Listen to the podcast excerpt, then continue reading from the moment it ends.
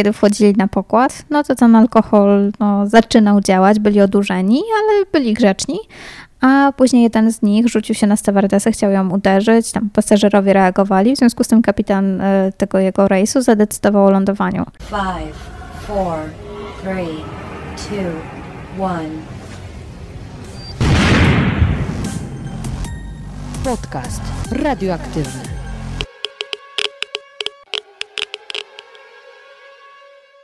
Dzień dobry, dzień dobry. Ja nazywam się Małgosia Zmaczyńska, a Ty słuchasz podcastu radioaktywnego, czyli luźnych rozmów na nietypowe tematy.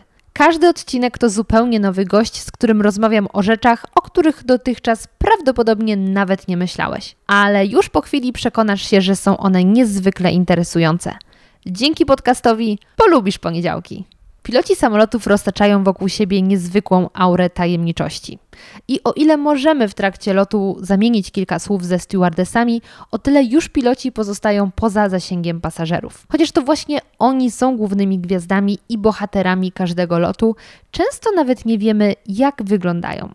Dlatego, aby nieco lepiej ich poznać, do kolejnego odcinka podcastu radioaktywnego zaprosiłam pilota a dokładnie panią pilot Magdalenę Majcher, która na co dzień siedzi za sterami Boeinga 737 w polskich liniach lotniczych LOT. Z dzisiejszego odcinka dowiecie się m.in. jak zostać pilotem samolotu pasażerskiego, dlaczego w czasie lotu piloci jedzą różne dania i jaką potrawę najczęściej wybierają polscy piloci, czy umiejętności pilota przydają się podczas prowadzenia samochodu, a także czy piloci są przygotowywani do awaryjnego lądowania samolotu na autostradzie.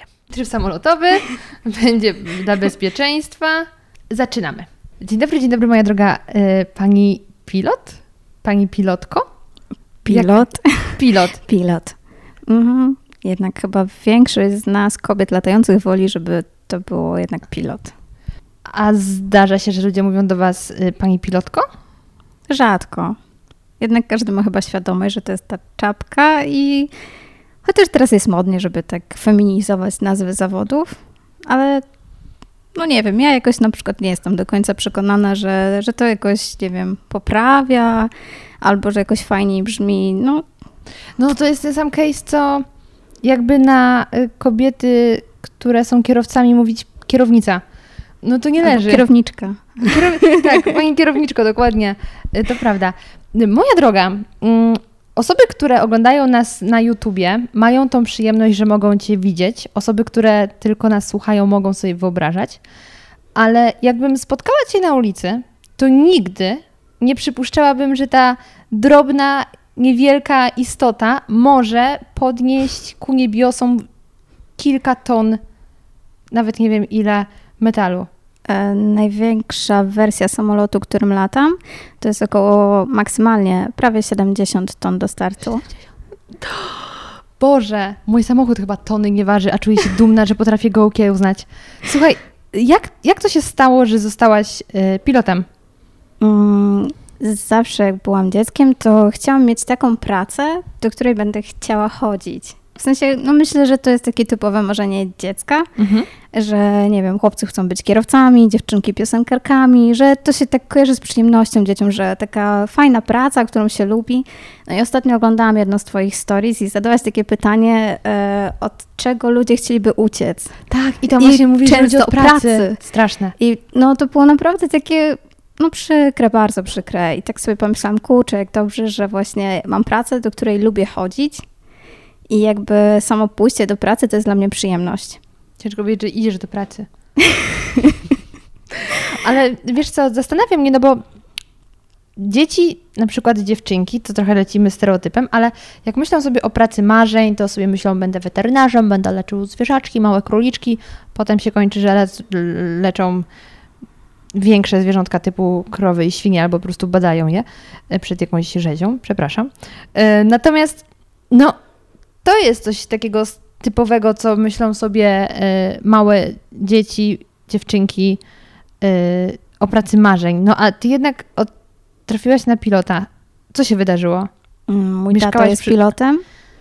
I Jesteśmy to jest I to jest moja taka największa inspiracja, bo e, z dwojga moich rodziców to właśnie mój tato był tą osobą, która do pracy wychodziła E, że tak powiem, zadowolona z tego, że idzie do pracy. Mhm. E, zawsze.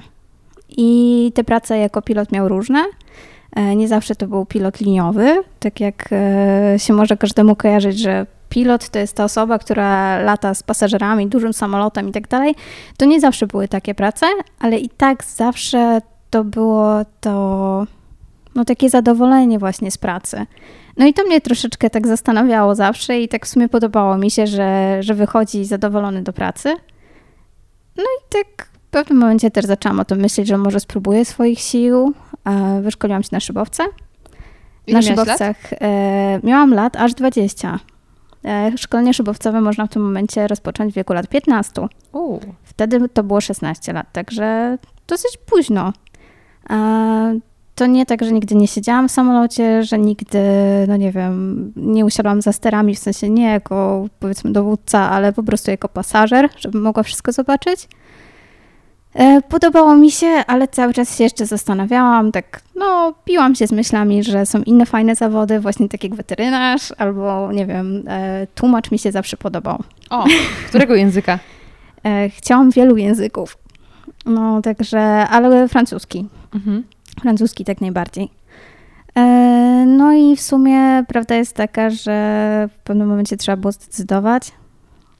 No i to jest taki trudny moment, jak się jest po maturze i trzeba zdecydować, ale tak przed maturą już sobie to w głowie, że tak powiem, poukładałam, myślałam o tym, co bym chciała robić, no i zdecydowałam.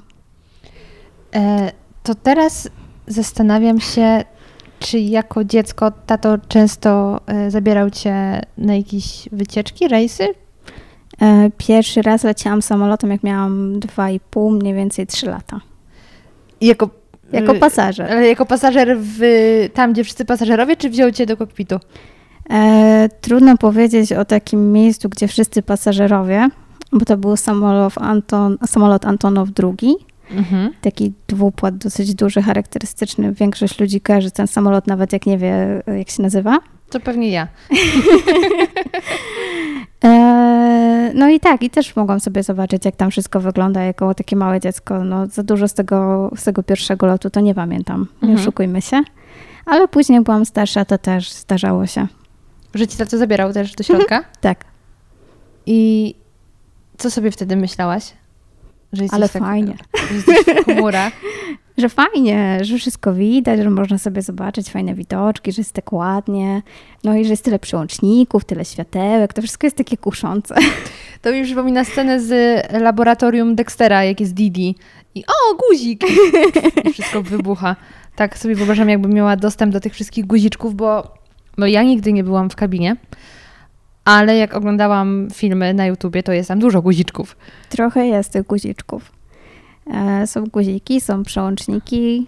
em, one po angielsku mają swoje nazwy i po polsku w sumie też są na to odpowiedniki, ale raczej się mówi, że właśnie push batony to jest takie spolszczanie tych różnych słów, bo jednak Słodko. ten, no Batony. takie, takie troszeczkę jak w korporacji, że jednak te angielskie słowa się wkradają i, i mówi się no takim pongliszem, no. Mhm. Y, Dobra, no to zrobiłaś w wieku 20 lat y, uprawnienia na szybowce. podstawówkę szybowcową. To nie jest licencja, to jest taki pierwszy etap szkolenia. Mhm. I co dalej? I w tym samym roku zrobiłam licencję turystyczną na samoloty, czyli taką licencję, e, którą jak masz, że tak powiem, w ręce, to nie możesz wykonywać lotów zarobkowych. Możesz sobie latać dla własnej przyjemności. Ale czym? E, Dalej szybowcem? Nie, samolotem. Licencja turystyczna, czyli taki tak zwany PPL, Private Pilot License. E, Ale takim jakimś małym samolotem. Takim, tak, Takim dwuosobowym, trzy? Czy... Cztero, sześcio, ogólnie to masa jakby limituje tą licencję. Okej. Mhm, także największy samolot właśnie, jaki możesz lecieć, to jest ten Antonov II, pilotować go. Mhm. E, no i jak masz taką licencję w ręce, to też możesz latać głównie, powiedzmy sobie, przy dobrych pogodach, tak mówiąc, y, upraszczając to wszystko. Bo przepisy, do jakich uprawnia się latanie na takim samolocie wtedy, to są przepisy z widocznością. E, Czyli nie możesz latać w chmurach, musisz mieć kontakt z tym, co się dzieje za oknem. Tak upraszczając. No, czyli taki rzeczywiście poziom podstawowy. Mhm. Mm, A jak wygląda inaczej. Y, czy szkolenie na tego typu samoloty Mhm. bardzo mocno odbiega od szkolenia już na te takie duże, na przykład rejsowe, jak teraz latasz? Mm, jakby sam system szkolenia jest i podobny, i różny. To jest tak, każde szkolenie w lotnictwie rozpoczyna się od szkolenia teoretycznego. E, Do tego za każdym razem są egzaminy teoretyczne. Później wsiada się na początku, właśnie przy takim małym samolocie, to jest od razu do samolotu z instruktorem. Lata się z tym instruktorem, ćwiczy się starty, lądowania, po prostu takie podstawowe rzeczy, typu zakręt 360 stopni, żeby dookoła potrafić w jednej płaszczyźnie to zrobić, żeby się nie zniżać, nie wznosić. To są takie, no, podstawy, to tak jak samochodem, uczysz się na początku po placu ruszać, skręcić w prawo, w lewo, zatrzymać, tak Parkowanie żeby wszystkimi nie, nie rzucić. To mniej więcej coś takiego. E, I później na takim małym samolocie e, po iluś tam godzinach po skończeniu pewnego etapu e, wsiadasz do tego samolotu sama i instruktor nadzoruje cię z ziemi. No i robisz tam Jest określoną... spadnie, czy nie spadnie? Nie no, on decyduje i raczej, raczej nie zdarzają się takie sytuacje, żeby ktoś zadecydował, żeby puścić ucznia samego, Który nie jest który, gotowy. tak, Mhm. E, Także on cię wtedy obserwuje z ziemi, ma z tobą kontakt przez radio. Robisz sobie te kilka, kilkanaście lądowań i jest następny etap latasz, zaczynasz uczyć się latać e, po trasach. Em, Podstawowa taka akrobacja, ale taka bardzo podstawowa się pojawia.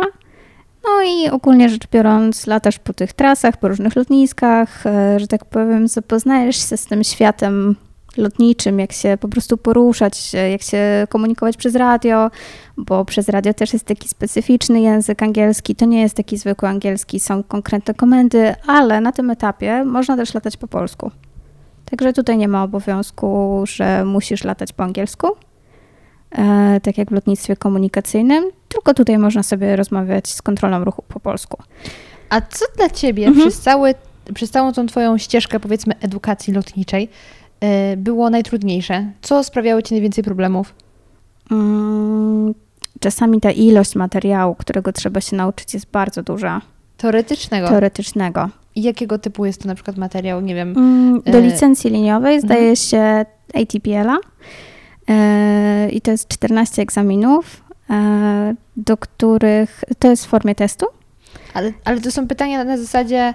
Mm, I właśnie te 14 egzaminów zawiera w sobie komunikację, budowę samolotu, meteorologię, em, zawiera w sobie osiągi samolotu, to jak silnik pracuje. Tam jest bardzo dużo różnych elementów. Także to jakby jaki jest ogrom tego wszystkiego przytłacza większość osób, które są w tym momencie. Mhm. I to jest taki newralgiczny moment. e, Część osób rezygnuje. A jak już taki, jako taki Mhm. doświadczony pilot, jak dużo wiedzy z tego, co, się, co było na egzaminie, przydaje się w praktyce? Mm, przydaje się, trudno mi powiedzieć procentowo, bo dochodzą nowe rzeczy. Mhm. E, Tam jest tak, że pytają na przykład, jest jakiś tam zasób przepisów, z których są zadawane pytania, ale na przykład w życiu e, nie, nikt nie zapyta o takie rzeczy, tylko o inne, ale to jest ten sam jakby dokument. Także trudno tu jest tak e, powiedzieć konkretnie, ile z tego się przyda. Później dodatkowo douczasz się e, nowych rzeczy i jakby łączą się z tymi starymi, ale są inne. Ta wiedza jest taka, no dużo musi się tak poukładać z czasem. A czy y, znajomość budowy samolotu jest aż tak istotna? W sensie, no Mhm. bo masz guziki, no to guziki wiadomo są super ważne, co wcisnąć, czego nie wciskać, ale czy ważne jest jaka jest rozpiętość skrzydeł w danym samolocie? No to pewnie jest, bo to Jest, bo na przykład drogi kołowania. No właśnie. Niektóre mają ograniczenie do na przykład 36 metrów albo jakieś tam inne wartości przykładowo. Czyli to wszystko jest po coś ta wiedza. Jest. Na przykład masy do startu e, są potrzebne do tego, żebyśmy mogli wziąć e, określoną na przykład ilość paliwa. E, załóżmy, że jest komplet pasażerów, każdy ma ze sobą walizki, do tego wiedziemy na przykład pocztę albo jakieś zwierzęta i w tym momencie na przykład dyspozytorzy, e, którzy planują trasę, paliwo, plan lotu, jakby wszystko to, co jest nam potrzebne do wykonania danego rejsu, oni planują też jakąś tam określoną ilość paliwa, ale ze względu na przykład na to, że pogoda się pogarsza, my możemy sobie tego paliwa troszeczkę więcej dobrać. No i w tym momencie musisz wiedzieć, ile wynosi maksymalna masa samolotu strukturalna, żeby jej nie przekroczyć bo to jest za duże obciążenie wtedy dla kadłuba. Oczywiście wszystko jest przeliczone z zapasem, ale generalnie przekraczanie takiego zapasu spowoduje, że w pewnym momencie coś się, no tak kolokwialnie mówiąc, zepsuje. Jakie to jest za miłe! Ile wy musicie wiedzieć? Boże! Mam jeszcze większy szacunek do waszego zawodu, a już myślałam, że mam wielki. Naprawdę jest masa rzeczy, o których trzeba myśleć, o których pasażerowie nie myślą, bo zastanawiają się, czy wzięli wystarczająco dużo konserw, jak jadą za granicę, żeby było taniej. No, Ale na szczęście grubo. w tej naszej pracy jest dużo osób, które nam pomagają. Właśnie dyspozytor lotniczy, czyli taka osoba, która właśnie e, w liniach lotniczych e, przelicza trasę, długość, prędkości, co jest bardziej optymalne, na jakim poziomie mniej spalisz paliwa, tak żeby to było ekonomiczne w którą stroną polecieć, tak żeby ominąć złą pogodę. Czasami są też tak zwane sloty, czyli na przykład w danym rejonie na przykład na Węgrzech, albo w Polsce, albo w Anglii, albo w jakimś innym kraju, przez który będziesz przelatywała, nie ma wystarczającej ilości kontrolerów, żeby obsłużyć tyle samolotów, ile lata dziennie. A na Flight Radarze każdy może sobie zobaczyć tą straszną mapkę, która wygląda jak oblana farbą od ilości samolotów. I wtedy co się pojawia? Pojawia się slot. Bo jest za mało ludzi, w związku z tym oni wyznaczają ci konkretną godzinę, której będziesz mogła przelecieć przez ich teren. I taki dyspozytor na przykład też musi sprawdzać takie rzeczy. Także to jest, mózg. to jest tak, że sztab ludzi musi współpracować ze sobą razem, tak żeby to wszystko było jakby jedną całością. Może tak to nazwijmy. I tu w sumie odpowiedziałaś na takie pytanie, które pojawiło mi się wcześniej w głowie, bo mam rozmowę ze stewardessą i ona powiedziała, że żeby być stewardem, stewardessą, trzeba być osobą bardzo otwartą i potrafiącą współpracować, bo to jest praca w zespole. Mhm. I chciałam zapytać, czy pilot ze względu na to, że siedzi sobie w tej kabinie, to może być trochę takim samotnikiem, ale tutaj trzeba doskonale odnajdywać się w zespole. To jest tak, my jesteśmy tam zamknięci na moim typie samolotów dwie osoby. Mhm. Chyba, że jest praktykant, to wtedy w trzy, ale generalnie przez większość e, rejsów są to dwie osoby. E, istnieje nauka, która, którą e, jakby wprowadzono do każdego szkolenia rocznego, bo co roku mamy szkolenia, taki, to się nazywa u nas recurrent. Mhm. I to polega na tym, że mamy przypomnienie właśnie z osiągów, z wyważania i tak dalej, z różnych elementów. Raz do roku każdy pilot przychodzi takie szkolenie teoretyczne oraz test z wiedzy samolotu. E, I tam jest też właśnie nauka CRM, czyli Crew Resource Management. I to właśnie też łączy Twoje pytanie z tym, e, jak sobie radzimy. Generalnie trzeba współpracować, nawet jak się jest dwie osoby, bo czasami jest tej pracy. To nie jest tak, że cały czas jest bardzo dużo, ale są takie momenty, że jest naprawdę taki natłok, są, jest tyle zmian, że trzeba sobie radzić te dwie osoby, bo nikt nie przyjdzie nam pomóc. Um, jak pojawia się jakaś usterka, to tak samo ta współpraca jest bardzo ważna, ale jak jesteśmy po prostu razem i wszystko jest dobrze, nic się złego nie dzieje, to też fajnie latać z kimś, z kim może nie otwartym, ale z kimś, kto potrafi, że tak powiem, no normalnie porozmawiać, o fajna dzisiaj pogoda, byłem tydzień temu na żaglach i po prostu jak człowiek z człowiekiem spędzić ten czas, bo czasami tego czasu razem spędzamy na przykład 12 godzin, a czasami 4 dni. Dlatego to jakby to nie do końca można chyba nazwać otwartość, tak mi się wydaje, tylko po prostu trudno by było, gdyby każdy z pilotów był takim burkiem przysłowiowym. Pamiętam, że jak miałam rozmowę z policjantką, to patroni zapytali, czy mm, policjant ze swoim partnerem w samochodzie prowadzą jakieś luźne takie rozmowy, pogawędki o życiu. Mhm. I czy wy w kabinie macie możliwość rozmawiania o jakichś takich pierdółkach? Czy tak, jasne, cały tak. czas macie jakieś komunikaty i tutaj ktoś do was mówi i, i nie możecie się oderwać za bardzo? Nie, są takie momenty, kiedy jest chwileczkę luźniej i wolniej. E, można się też zapytać o rzeczy związane z pracą, bo też, czasami to też na przykład jest ważne, bo e, ja jako drugi pilot mam dosyć sporo papierologii do wypełnienia. Obojętnie, czy ona jest w elektronicznej formie, czy w papierowej, to czasami też muszę się tego kapitana zapytać, czy on uważa, że powinna wpisać tak, czy jakoś inaczej, żeby to skonsultować. Także e, i na takie rzeczy jest czas, i na to, żeby porozmawiać o zwykłych rzeczach też jest czas. A nawet jeżeli nie w trakcie lotu, bo te loty są też różnej długości, to przed i po, albo między. Jasne, że tak. Powiedziałeś, że jesteś drugim pilotem. Czy to jest bycie drugim pilotem to jest coś stałego, czy to jest tak, że raz jesteś pierwszym, raz jesteś drugim? To jest tak, że to jest twoja funkcja w samolocie. Tak jak u stewardess jest jedna, która jest szefową, Aha. tak u nas jest kapitan i drugi pilot.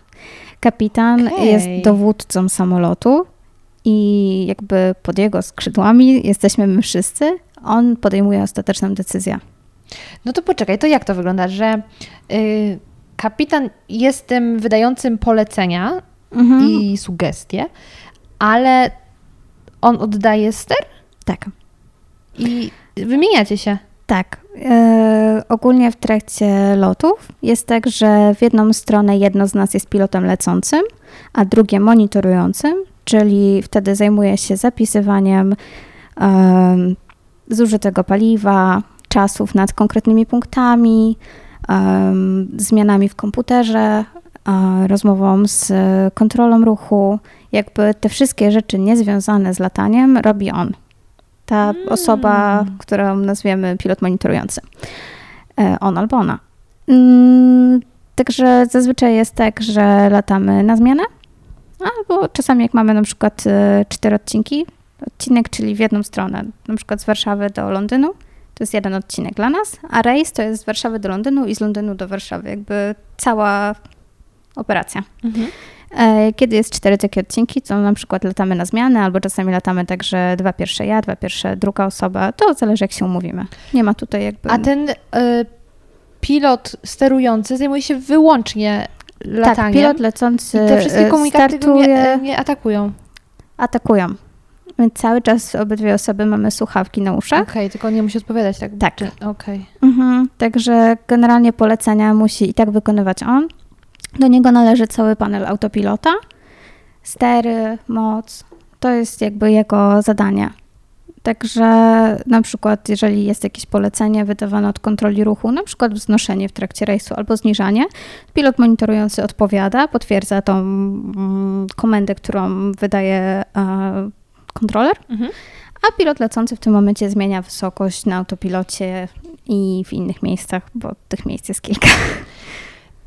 Na autopilocie. Czy to znaczy, że samoloty cały czas są na autopilocie? W trakcie przelotu, tak. I na czym to polega tak do końca? No bo autopilot, jak teraz jeszcze wchodzą te wszystkie e, elektryczne, nie elektryczne, tylko no te mądre samochody typu mhm. Tesla, no to kojarzy nam się, że mm, kierowca tylko patrzy i dobrze, żeby w ogóle patrzył, bo wiadomo, ludzie zajmują się telefonem, na to wychodzi. Y, ale że samochód robi wszystko za ciebie. A tutaj mówisz, że mm, jakieś zadanie przekazuje się do autopilota, czyli ma się kontrolę nad autopilotem. Tak. Czyli on, to nie jest tak, że on robi wszystko sam, tylko wy podajecie, jak coś się zmienia, dopiero komendę, a przez resztę on jak gdyby sam wszystko pilnuje? E, kiedy przychodzimy do samolotu, to jedna z osób, jedno z nas, programuje komputer. W tym komputerze. Programiści. E, tak się to nazywa, ale to z wiele z programowaniem nie ma wspólnego. E, ten komputer generalnie większość ludzi, kiedy zobaczy, to ma wrażenie, że to jest prymitywny kalkulator, bo tak wygląda. E, w tym komputerze sprowadzana cała trasa, warunki, czyli prędkości, wysokości, jeżeli są zadane na przykład na jakichś punktach konkretne e, inne wysokości niż e, niż te, które przeliczy sobie komputer, bo on też przelicza to, w którym momencie powinniśmy zakończyć wznoszenie, w którym zniżanie, o której będzie lądowanie. To wszystko cały czas sobie tam mieli przelicza. Ale są też dodatkowe, e, dodatkowe rzeczy typu właśnie masy, które tam podajesz, podajesz jakby współczynnik, e, współczynnik, który jest potrzebny do wyważenia samolotu. No, tych danych jest trochę, ten komputer sobie tam przelicza i autopilot korzysta z tego, co jest w tym komputerze. Ale na przykład kontroler może powiedzieć, że musimy zwolnić prędkość, bo ruch nad lotniskiem jest tak duży, że będzie opóźnienie. W związku z tym w połowie trasy już musimy lecieć wolniej. I wtedy nie komputer, tylko ty musisz wprowadzić do komputera dopiero nowe dane i dopiero to zas się autopilot. Albo na panelu autopilota ustawić inną prędkość. Także to nie jest tak, że on wszystko zrobi i to, co podają kontrolerzy, to on od razu sam będzie wiedział i zrobi, tylko jednak my musimy to dopiero przekazać. Teraz będzie bardzo głupie pytanie. Chociaż z drugiej strony mówi się, że nie ma głupich pytań, więc zadam. Mm, w samochodzie masz pedał gazu i pedał hamulca. Jak się dodaje w cudzysłowie gazu w samolocie? Są manetki do sterowania. Tutaj na środku A, dobra. Teraz kojarzę Mhm. z gier komputerowych, to jest, coś takiego było. to jest moc. To jest właśnie to, ten nasz pedał gazu. I ona też jest w miarę regulowana, że E, Jest auto throttle, czyli też taki komputer, który steruje właśnie mocą, tak żeby moc na poziomie była odpowiednia, żeby utrzymać wysokość i prędkość. A jeśli ten autopilot jest włączony, to Mhm. czy pilot przez cały czas musi trzymać ster, czy nie, Nie. musi? Nie. Okej. E, Generalnie rzecz biorąc, właśnie pilot monitoruje pracę autopilota, tak możemy to nazwać. Dąży się do tego, żeby jak najszybciej włączać i jak najpóźniej wyłączać autopilota, żeby zminimalizować czynnik ludzki. Który zazwyczaj jest, Jest, przyczyną, przyczyną wypadków. Mhm. Em, może jest w tym dużo racji i sensu, zobaczymy w przyszłości, bo oczywiście no, badania cały czas e, trwają i różne linie wprowadzają różne procedury, tak żeby to było właśnie bardzo szybko albo w jakimś tam określonym momencie. Mm, Generalnie jest taki poziom, poziom przejściowy, e, do którego można latać w rękach bez tego autopilota, e, takim samolotem liniowym. Ale jeżeli tego autopilota nie mamy, to powyżej tego poziomu, to jest e, 26 tysięcy stóp, e, nie można już sobie lecieć, tylko wtedy trzeba zostać na tym poziomie lub poniżej. No i to też jest nieekonomiczne, dlatego też te samoloty mają autopiloty. Zdarza się, że taki autopilot się zepsuje w samolocie. No i wtedy niestety, ale e, ta osoba, która jest monitorująca, ma dużo więcej pracy, bo pilot lecący musi trzymać cały czas stery w rękach i manetki mocy też pilno- pilnować. Także Nie, to jest rzeczy. troszeczkę jest. Ale na chwilę wrócę jeszcze do szkolenia, bo mm, przeszliśmy od tego, że później Mhm. zrobiłaś licencję na tego Turystyczną. turystyka i Turystyczną. później Mhm. już na tego rejsowego? Nie. To jest tak. e, Kiedy zrobisz licencję turystyczną, e, masz około 45 godzin. E, Musisz e, w międzyczasie dolatać te godziny, które są Ci potrzebne do tego, żeby odbywać kolejne szkolenia. W międzyczasie robisz uprawnienie do latania w nocy, bo żeby latać w nocy trzeba zrobić kolejny kurs Mhm. e, i wpis do licencji. E, Kolejna rzecz to są kolejny taki etap, który zazwyczaj, oczywiście ja mówię o takiej typowej drodze. Te drogi można troszeczkę zmieniać i modyfikować, ale to jest taka najbardziej popularna i tak myślę, że większość osób tak wybiera, bo jest w pewien sposób sensowna. Także masz licencję turystyczną, masz uprawnienie do latania w nocy, latasz sobie w międzyczasie te godzinki, które są Ci potrzebne do tego, żeby zrobić licencję zawodową. Do tego trzeba mieć 150 godzin, żeby rozpocząć szkolenie na pilota zawodowego. 150 godzin, ale jeden taki y, jednodniowe szkolenie przeciętnie ile trwa godzin? Nie ma na to jakby reguły ani zasady. Twój lot może trwać pół godziny, może trwać 3 godziny. Czyli dalej zrobienie 150 zajmuje dużo czasu. Sporo. Sporo. E, później, jak już sobie zrobisz tą, ten kurs na pilota zawodowego, w międzyczasie musisz najpierw zrobić kurs teoretyczny oczywiście e, i zdać egzaminy, to robisz e, uprawnienie, które pozwala ci latać na instrumenty, czyli na przyrządy. I to jest latanie, które umożliwia ci latanie w mgłach, przebijanie się przez chmury, latanie w chmurach, jakby te trudniejsze warunki. E, To jest kolejne szkolenie i tutaj pierwszy raz wsiadasz do symulatora. Dopiero na tym etapie? Tak. Całe Twoje szkolenie zazwyczaj, to nie jest tak, że to jest reguła, można robić wcześniej e, latać na symulatorze, ale zazwyczaj tak nie jest. Większość osób w tym momencie pierwszy raz nie szkoli się od razu na samolocie, tylko zaczyna szkolenie od symulatora. Wylatujesz część, e, większość tak naprawdę szkolenia na symulatorze i dopiero później wsiadasz do samolotu. W tym momencie dobijasz z tymi swoimi godzinami do 200, czyli możesz zrobić egzamin na pilota zawodowego oraz egzamin do uprawnienia e, latania na przyrządy. I to jest ten moment, kiedy jesteś gotowa do tego, żeby pójść do linii lotniczych. Jeżeli chcesz pójść do linii I lotniczych. potem są jeszcze wewnętrzne egzaminy, czy już jesteś wolnym człowiekiem, możesz Jak pracować? dostaniesz się do linii lotniczej, to twoje szkolenie trwa około pół roku na dany typ samolotu. Zaczyna się od około 3-4 tygodni yy, w ławce teorii. Później jedziesz na około 3-4 Ale tygodnie jakiej symulatora. teorii? Czy- Uczysz się właśnie samolotu, twojego konkretnego samolotu. Uczysz się właśnie tego, jakie ma systemy, jakie są wartości w tych systemach, e, jak to pracuje, jak to się ze sobą wiąże, jak to się zepsuje, to jakie to poniesie konsekwencje. Em, uczysz się też, nigdy wcześniej nie latałaś e, zawodowo ani liniowo. Tutaj troszeczkę jest inaczej, są trochę inne przepisy. E, dochodzą ci właśnie nowe elementy. Wcześniej sobie na przykład hopsałaś gdzieś tam na trawiaste lotniska. Tutaj jesteś zawsze na lotniskach e, kontrolowanych z dużym ruchem. Mhm. Jakby wszystko jest znowu nowe, po raz kolejny. To ile to łącznie lat zajęło? E, Od mnie, szybowca do, do pierwszego lotu w liniach. u mnie to zajęło 6 lat, ale znam osoby, które zrobiły to w 3 lata. To wymaga dużego poświęcenia, takiego no, z każdej strony. No właśnie, na pewno też ze strony finansowej, bo kiedyś słuchałam jakiegoś podcastu i była tam rozmowa z pilotem, który akurat chyba w Polsce nie przylatał ani jednej godziny Mhm. zawodowo, tylko gdzieś tam za granicą. I on mówił, że to jest kilkaset tysięcy złotych zrobić to wszystko razem. Zgadza się. To jest przecież szaleństwo.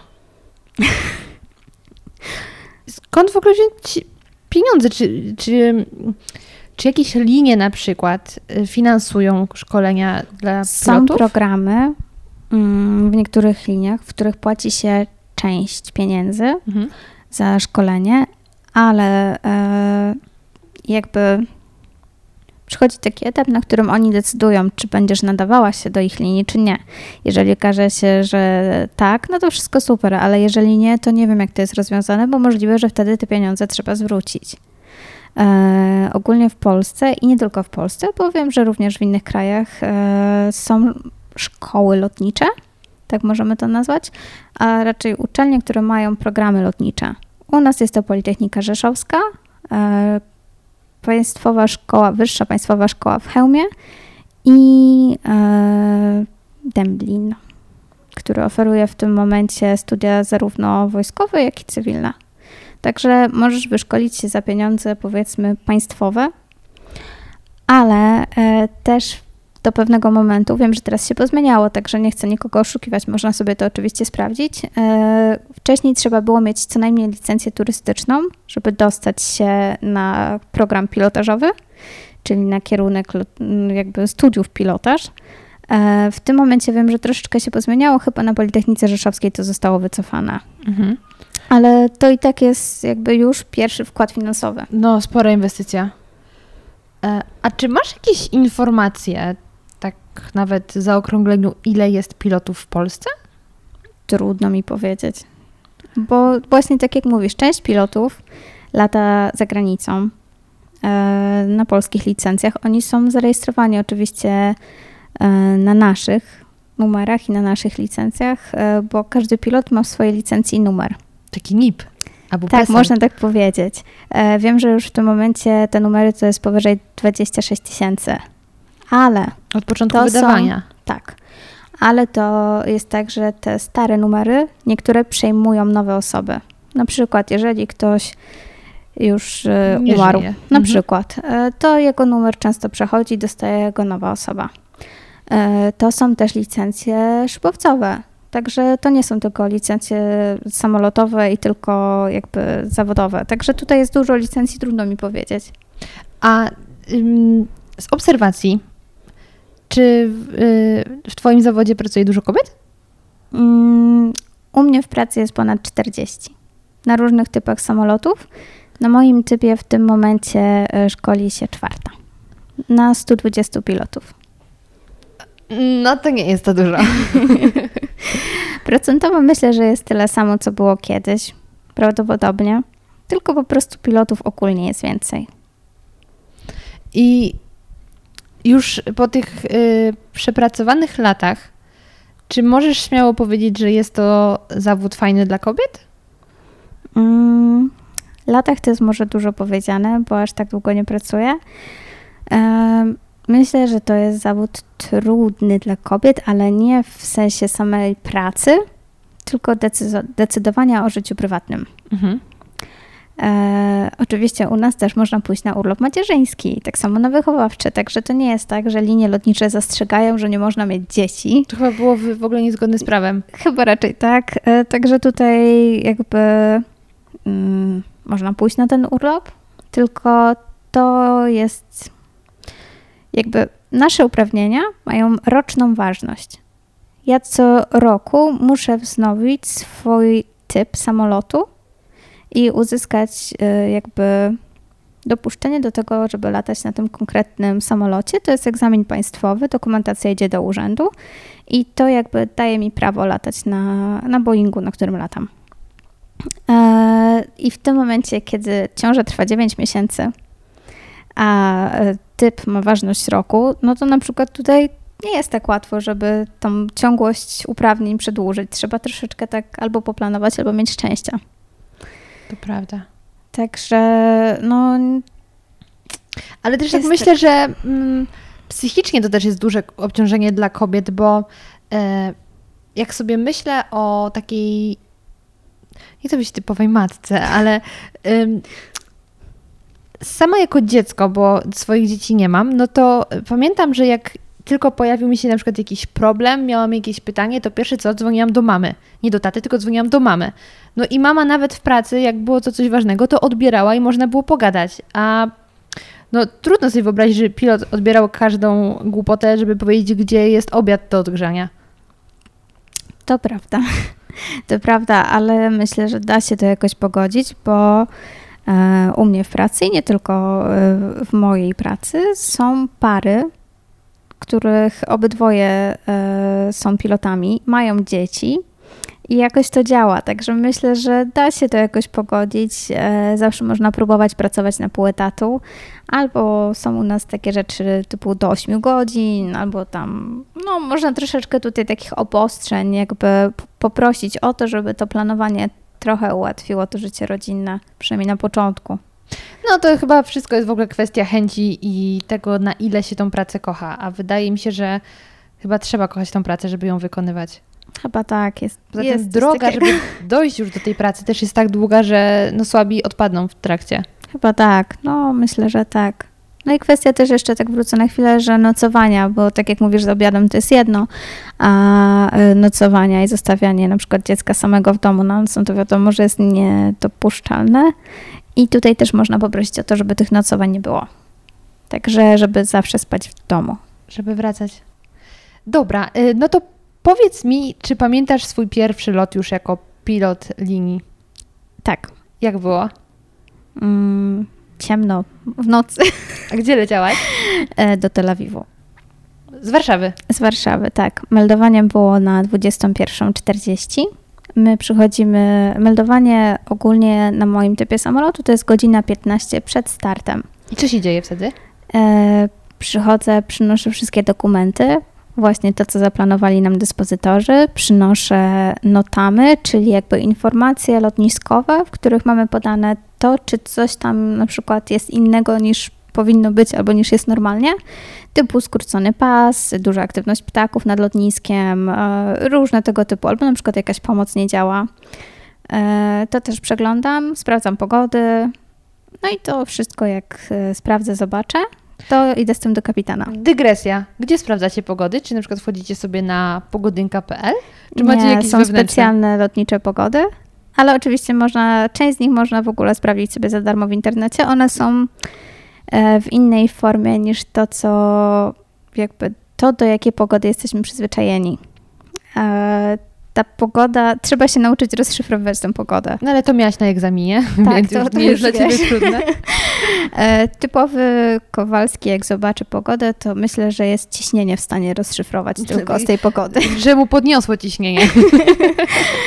Także jest do tego specjalna, specjalne są strony i można sprawdzać, ale aplikacje też. Na przykład w telefonie zawsze sprawdzam przed wyjściem z domu, jaka będzie pogoda i jak tam będzie wyglądało. Okej, dobra, no to masz całą tę dokumentację i idziesz do kapitana. Mhm. On też przegląda, co tam się dzieje, jak tam jest. e, To, co ja zaznaczę i dodatkowo to, co on jeszcze stwierdzi, że jest na przykład ważne. I na podstawie tego planujemy, ile weźmiemy paliwa. E, No i jedziemy na lotnisko. A czyli wy jeszcze nie jesteście na lotnisku? Nie. To gdzie się spotykacie? E, Mamy specjalne miejsce, w którym się meldujemy i tam właśnie drukowane są dokumenty, e, tam są dyspozytorzy, także można też zadzwonić, pójść do nich, zapytać, na przykład e, poprosić o to, żeby lotnisko zapasowe któreś było inne, bliższe, dalsze, jakieś zmiany w planie lotu właśnie jak chcemy Ale robić. ten punkt jest gdzieś w mieście, czy to już są okolice Blisko lotniska? lotniska. Okej. Jeszcze jedna dygresja, bo o to nie zapytałam. Czy ty teraz będąc drugim kapitanem, Pilotem. y, pilotem, Pierwszym do- oficerem, drugim pilotem. pani oficer, y, to żeby dostać, stać się kapitanem, to jest kwestia awansu, tak? Tak. To jest e, awans i jakby jest specjalna rekrutacja do tego, żeby zostać kapitanem, ale e, są też takie warunki, na podstawie których w ogóle można aplikować, żeby... Staż i tak dalej? Między innymi, tak. mi- Minimum e, 2000 godzin to jest bardzo częsty wymóg, albo 3000 godzin w powietrzu. Ile to mniej więcej jest czasu? Mm, W takim normalnym trybie pracy, po jakim czasie się ma te 2-3 godziny? 2-3 2-3 tysiące? około 2,5-3,5 roku. Okej. E, angielski, bo zdajemy angielski oczywiście lotniczy. No i tam też są różne poziomy, one są na różną ilość lat podane. E, tego typu rzeczy. Ogólnie składa się tam aplikację, później jest rekrutacja, na tej rekrutacji znowu jest test i tak dalej. No i dopiero I się znowu zaczyna znowu się zabawa. zaczyna nauka. Dobra. No to jesteście w tym y, Już- tajemniczym miejscu Mhm. i jedziecie na lotnisko. Tak jest. Czym jedziecie? E, Autobusem jak y, zwykły śmiertelnik? u nas się mówi nyską, ale to jest taki mały bus. Okej, czyli macie... Mamy załogowe busy, tak. I tam też są y, Stewardesy. Tak. Okej. Także jedziemy już w komplecie, bo Wesoły tam na autobus. miejscu, tam na miejscu od razu jak my sprawdzamy dokumenty, to przychodzą też właśnie e, dziewczyny z pokładu albo chłopaki. No i meldują się, że oni też są w komplecie gotowi. Jedziecie na lotnisko. Y, I gdzie jest wasz samolot? Czy on sobie stoi w jakimś garażu? On sobie stoi Hangarze? albo przy rękawie, A, Gejcie? już. albo stoi sobie gdzieś na płycie. A kto go tam podstawił? Poprzednie załogi albo mechanicy. Okej, czyli zakłada... Ogólnie to jest tak. Samolot, który stoi na ziemi, nie zarabia, tylko traci.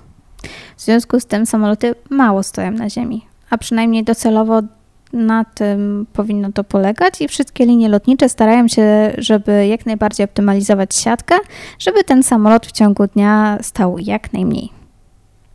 Także, żeby te rotacje między rejsami były nie dłuższe niż godzinę, półtorej A w tych samych kierunkach, czy w różnych? w różnych. A, dobra, czyli jak na przykład ty masz lot z Warszawy do Londynu, Mhm.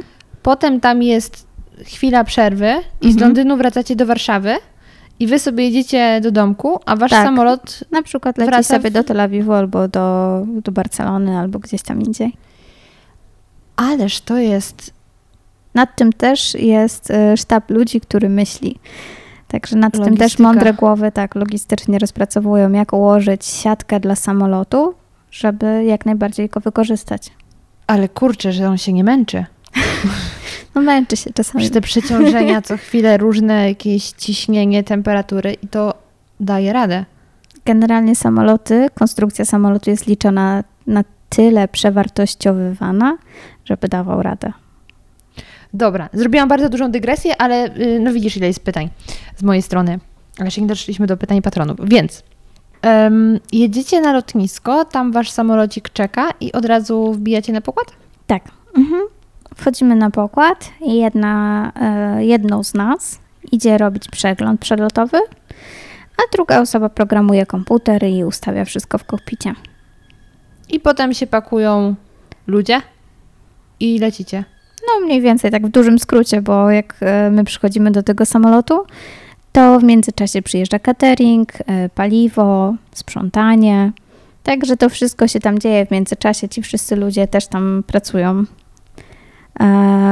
w, w ciągu tej rotacji. No i my też sobie tam działamy. Który moment jest najtrudniejszy dla ciebie z całej tej pracy? Mm, hmm. Myślę, że jak wszystko dzieje się tak na szybko, że właśnie jest dużo zmian, jest jakieś opóźnienie, właśnie są sloty, pogody są złe. Um, Ale podczas takiego typowego rejsu, Mhm. czy to jest właśnie y, start, czy to jest lądowanie? lądowania mówi się, że są najtrudniejsze, bo wymagają najwięcej koncentracji. No ale są też czasami takie starty, w których na przykład e, niedaleko po starcie, niedługo po starcie jest na przykład burza i trzeba od razu szybko omijać. No to wtedy też pojawia się jakiś tam stres, nie oszukujmy się. Znaczy stres Jakiś może to jest tam. dużo powiedziane, ale, ale mobilizacja taka do pracy większa. Okej, ale tutaj w ogóle zeszłyśmy mm, w takie dokładne informacje, a zapytałam cię o ten pierwszy rejs. Mhm. I jak się poczułaś, kiedy byłaś już tam w powietrzu i no stwierdziłaś, kurczę, ta cała długa droga, którą przeszłam, doprowadziła mnie do tego miejsca? Czy był to lajtowy y, lot, czy od razu coś cię zaskoczyło? E, wiesz, to jest tak, że jak szkolimy się na symulatorze, zanim wsiądziesz do takiego samolotu e, rejsowego, to spędzasz 40 godzin w symulatorze. Także jakby sam samolot, tak to co zobaczysz jak wejdziesz, to cię nie zszokuje, ale jakby na przykład to, jakie siły są na sterownicach i tak dalej, to troszeczkę zawsze jest inaczej niż na symulatorze. No i też fakt tego, że lecisz całą noc, cały czas jest ciemno. Mm, Te telewizory, tak mówiąc kolokwialnie, też trochę dają po oczach. Oczywiście można sobie troszeczkę skręcić, ale też musisz coś tam widzieć, żeby wiedzieć, co się dzieje. Mm, Była bardzo duża burza Na pierwszym locie. na pierwszym Świetnie. locie. E, ciężko było się dostać do lotniska. Lotnisko było zamknięte w takim obwarzanku e, i na radarze pogodowym to wygląda tak, że my mamy to w kolorach pokazane. Zielony, żółty, czerwony oraz magenta, czyli taki różowy. Mhm. No T-Mobile. mniej więcej. I to jest taki najgorszy, taki trzymaj się z daleka, także. E, No i ogólnie rzecz biorąc, to po prostu tak nie spodziewałam się tego. Wiedzieliśmy, że będą burze, ale to, że się skleją ze sobą i lotnisko, dolot do lotniska będzie zamknięty, no to jest taka nieprzewidywalna rzecz. Pierwszy raz byłam na e, no, tak dużym zagranicznym lotnisku. Wszystko jest nowe, no. Taka jest prawda. Jest się takim z dużą dozą adrenaliny. E, na radiu jest tak. Tak w sumie brzydko brzmi na radio. Ale przez Ja radio. kocham radio, więc czat. Jakoś, ja wiem, teraz można odmieniać słowo radio, Mhm. ale jakoś tak, nie wiem, nie jestem fanką. Wolisz odmieniania. radio? Radio, jakoś tak Ja też wolę Lepiej wersję nieodmienioną. ale czasami mi ucieknie. E, także generalnie rzecz biorąc, e, przez radio słychać różne akcenty. Kontrolerzy mówią mniej lub bardziej wyraźnie, przez to, że radiostacje są różne w różnych krajach, różnej jakości. E, no i te akcenty, przez które czasami trudno ich zrozumieć. A który jest dla ciebie najtrudniejszy? Mm, Włosi są czasami trudni do zrozumienia. Bo oni w tym czasie więcej y, gestykulują i zapominają mówić. I też dodają dużo takich niepotrzebnych czasami słów i to tak jakby miesza ten obraz. No to ciekawe. Mhm. To nawet w wypowiadaniu się ich słychać temperament. Słychać, słychać. Później się rozpoznaje te akcenty. Słychać na przykład, że powinien być jakiś tam e, firusz, jakiś obszar jakiegoś kraju, ale poprzedni kontroler na przykład nie powiedział, na jaki przesyła, tylko podał częstotliwość. I jak się człowiek przełączy, to słyszy, że o, już Włochy, albo już Francja, czy to jakiś inny kraj. Słychać Tak. te akcenty. Wschodnio oczywiście też słychać bardzo. No tak, oczywiście. Burza. Burza, która was zaskoczyła. Mhm. Jak bardzo niebezpieczna jest burza? Ogólnie rzecz biorąc, Może być bardzo. Mhm. E, samoloty dostają piorunami, to się zdarza. W takiej sytuacji e, widać to zazwyczaj na kadłubie samolotu, ponieważ piorun przepala nity, z którymi scalona jest blacha, tak mówiąc też w uproszczeniu samolotu. I te nity robią się czarne. Także widać, że tamtędy przeszedł piorun. Czyli to E, bezpośrednio nic się złego nie dzieje, Ale, ale pali widać. te nity i trzeba je wtedy powymieniać. Także samolot musi pójść do hangaru i tam mechanicy muszą wymienić konkretne elementy. E, może być tak, że na przykład spali winglet, czyli tą końcówkę skrzydła, taką podwiniętą w górę, w dół, zależy jaki samolot. Mhm. E, I tam jest światło nawigacyjne. Bez tego światła nie można latać. No i wtedy jest problem, bo trzeba ten element naprawić. Może być tak, że taki piorun też naruszy e, strukturę samolotu, bo jeżeli trafi w jakieś takie miejsce newralgiczne, typu wręga samolotu, czyli jakby taka półokrągła część wzmocnienia, no to też narobi trochę szkód, wtedy to wymaga większej naprawy. Mm, Z prądem też może się tak zdarzyć, że coś tam się zadzieje złego. Także troszeczkę jest tych rzeczy, które jakby nawet nie sama burza, tylko wyładowania mogą spowodować. A da się ominąć burzę w powietrzu? Tak. E, Generalnie samolot jest wyposażony w radar pogodowy i radar terenowy. Także możemy sobie zobaczyć, e, jakiej wysokości jest teren. To się przydaje na lotniskach, które są położone e, między górami. Na przykład Tirana w Albanii albo Erewań w Armenii. To są lotniska, które jakby podejście do tego lotniska albo w Tiranie samo lotnisko jest położone bardzo blisko gór, no i w sytuacjach krytycznych to może bardzo dużo pomóc po prostu ten radar. A radar pogodowy e, przy takich pogodach, jak miały miejsce w ostatnim tygodniu i ogólnie latem, że po prostu ta atmosfera jest chwiejna i tworzą się burze, bardzo dużo pomaga. My wtedy widzimy, gdzie jest ta burza. E, mniej więcej 80 mil do przodu, czyli jakieś tam 150 kilometrów do przodu jesteśmy w stanie zobaczyć. I co się, wtedy robi, jak wiecie, że gdzieś, I gdzie macie lądować jest omijamy. burza? Prosimy o konkretny kurs, tak żeby ominąć. E, Kontrolerzy często wiedzą, bo inne załogi też zgłaszają, że chcą omijać. Czasami sami mówią, że na przykład poprzednie załogi zgłaszały, y, że chcą jakiś tam konkretny kurs od jakiegoś miejsca, żeby ominąć burzę i, i spodziewajcie się tego. A można wylądować Także- tak w czasie burzy, czy raczej się tego nie robi? A raczej się tego nie robi. Czeka się, żeby burza przeszła jakby z lotniska, odsunęła się.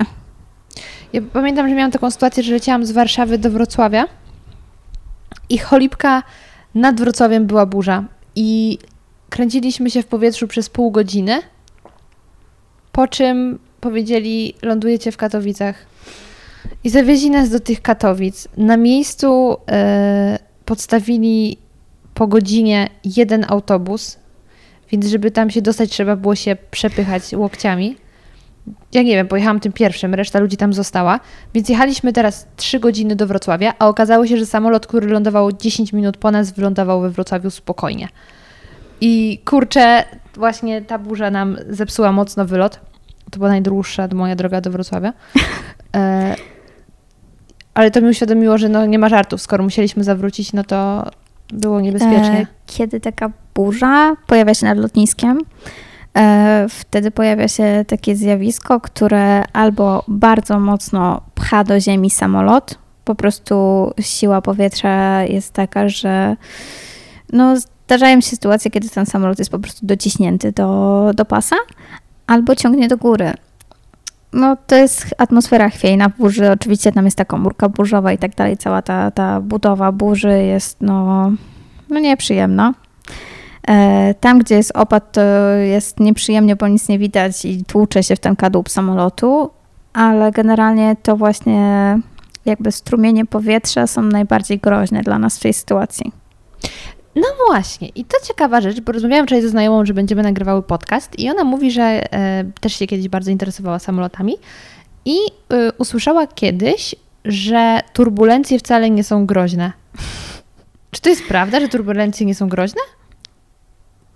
To zależy. To znaczy, to jest tak, turbulencje mają różną gradację. Lekkie, silne i ciężkie. Tak I koniec mówiąc, świata. mówiąc w uproszczeniu. E, turbulencja może być też po przelocie dużego samolotu. Czyli taki samolot przecina naszą drogę, bo na niebie nie jest tak, że latamy sobie jak zające hopsają na łące, to my też sobie latamy jak chcemy. No, Tylko widać czasem, jak to się wszystko przecina. przecina, i bo to są drogi lotnicze. A czy wy się teoretycznie widzicie? Jak Tak. widać? W sensie nie kabinę oko w oko, ale samoloty tak, oczywiście. Kurczę, to musi być piękne. Widzimy się na radarze. To jest pierwsza podstawowa rzecz, bo samolot jest wyposażony w taki dodatkowy radar, który e, w sytuacji, kiedy samolot, drugi samolot byłby za blisko nas, A za blisko to ostrzeże. To zależy od e, obszarów, ale generalnie 2,5 mili to jest taka minimalna separacja. To jest... Niecałe 5 kilometrów. No, wydawałoby się, że kawał drogi. Ale jednak nie. I to już może wtedy te ruchy powietrza właśnie wprawić? Że E, tak. oberwiecie Mhm. taką falą? To jest tak, że jakby fala właśnie powietrza, którą zostawi inny samolot, to pojawia się takie uderzenie jakby i niestety właśnie może dojść do turbulencji.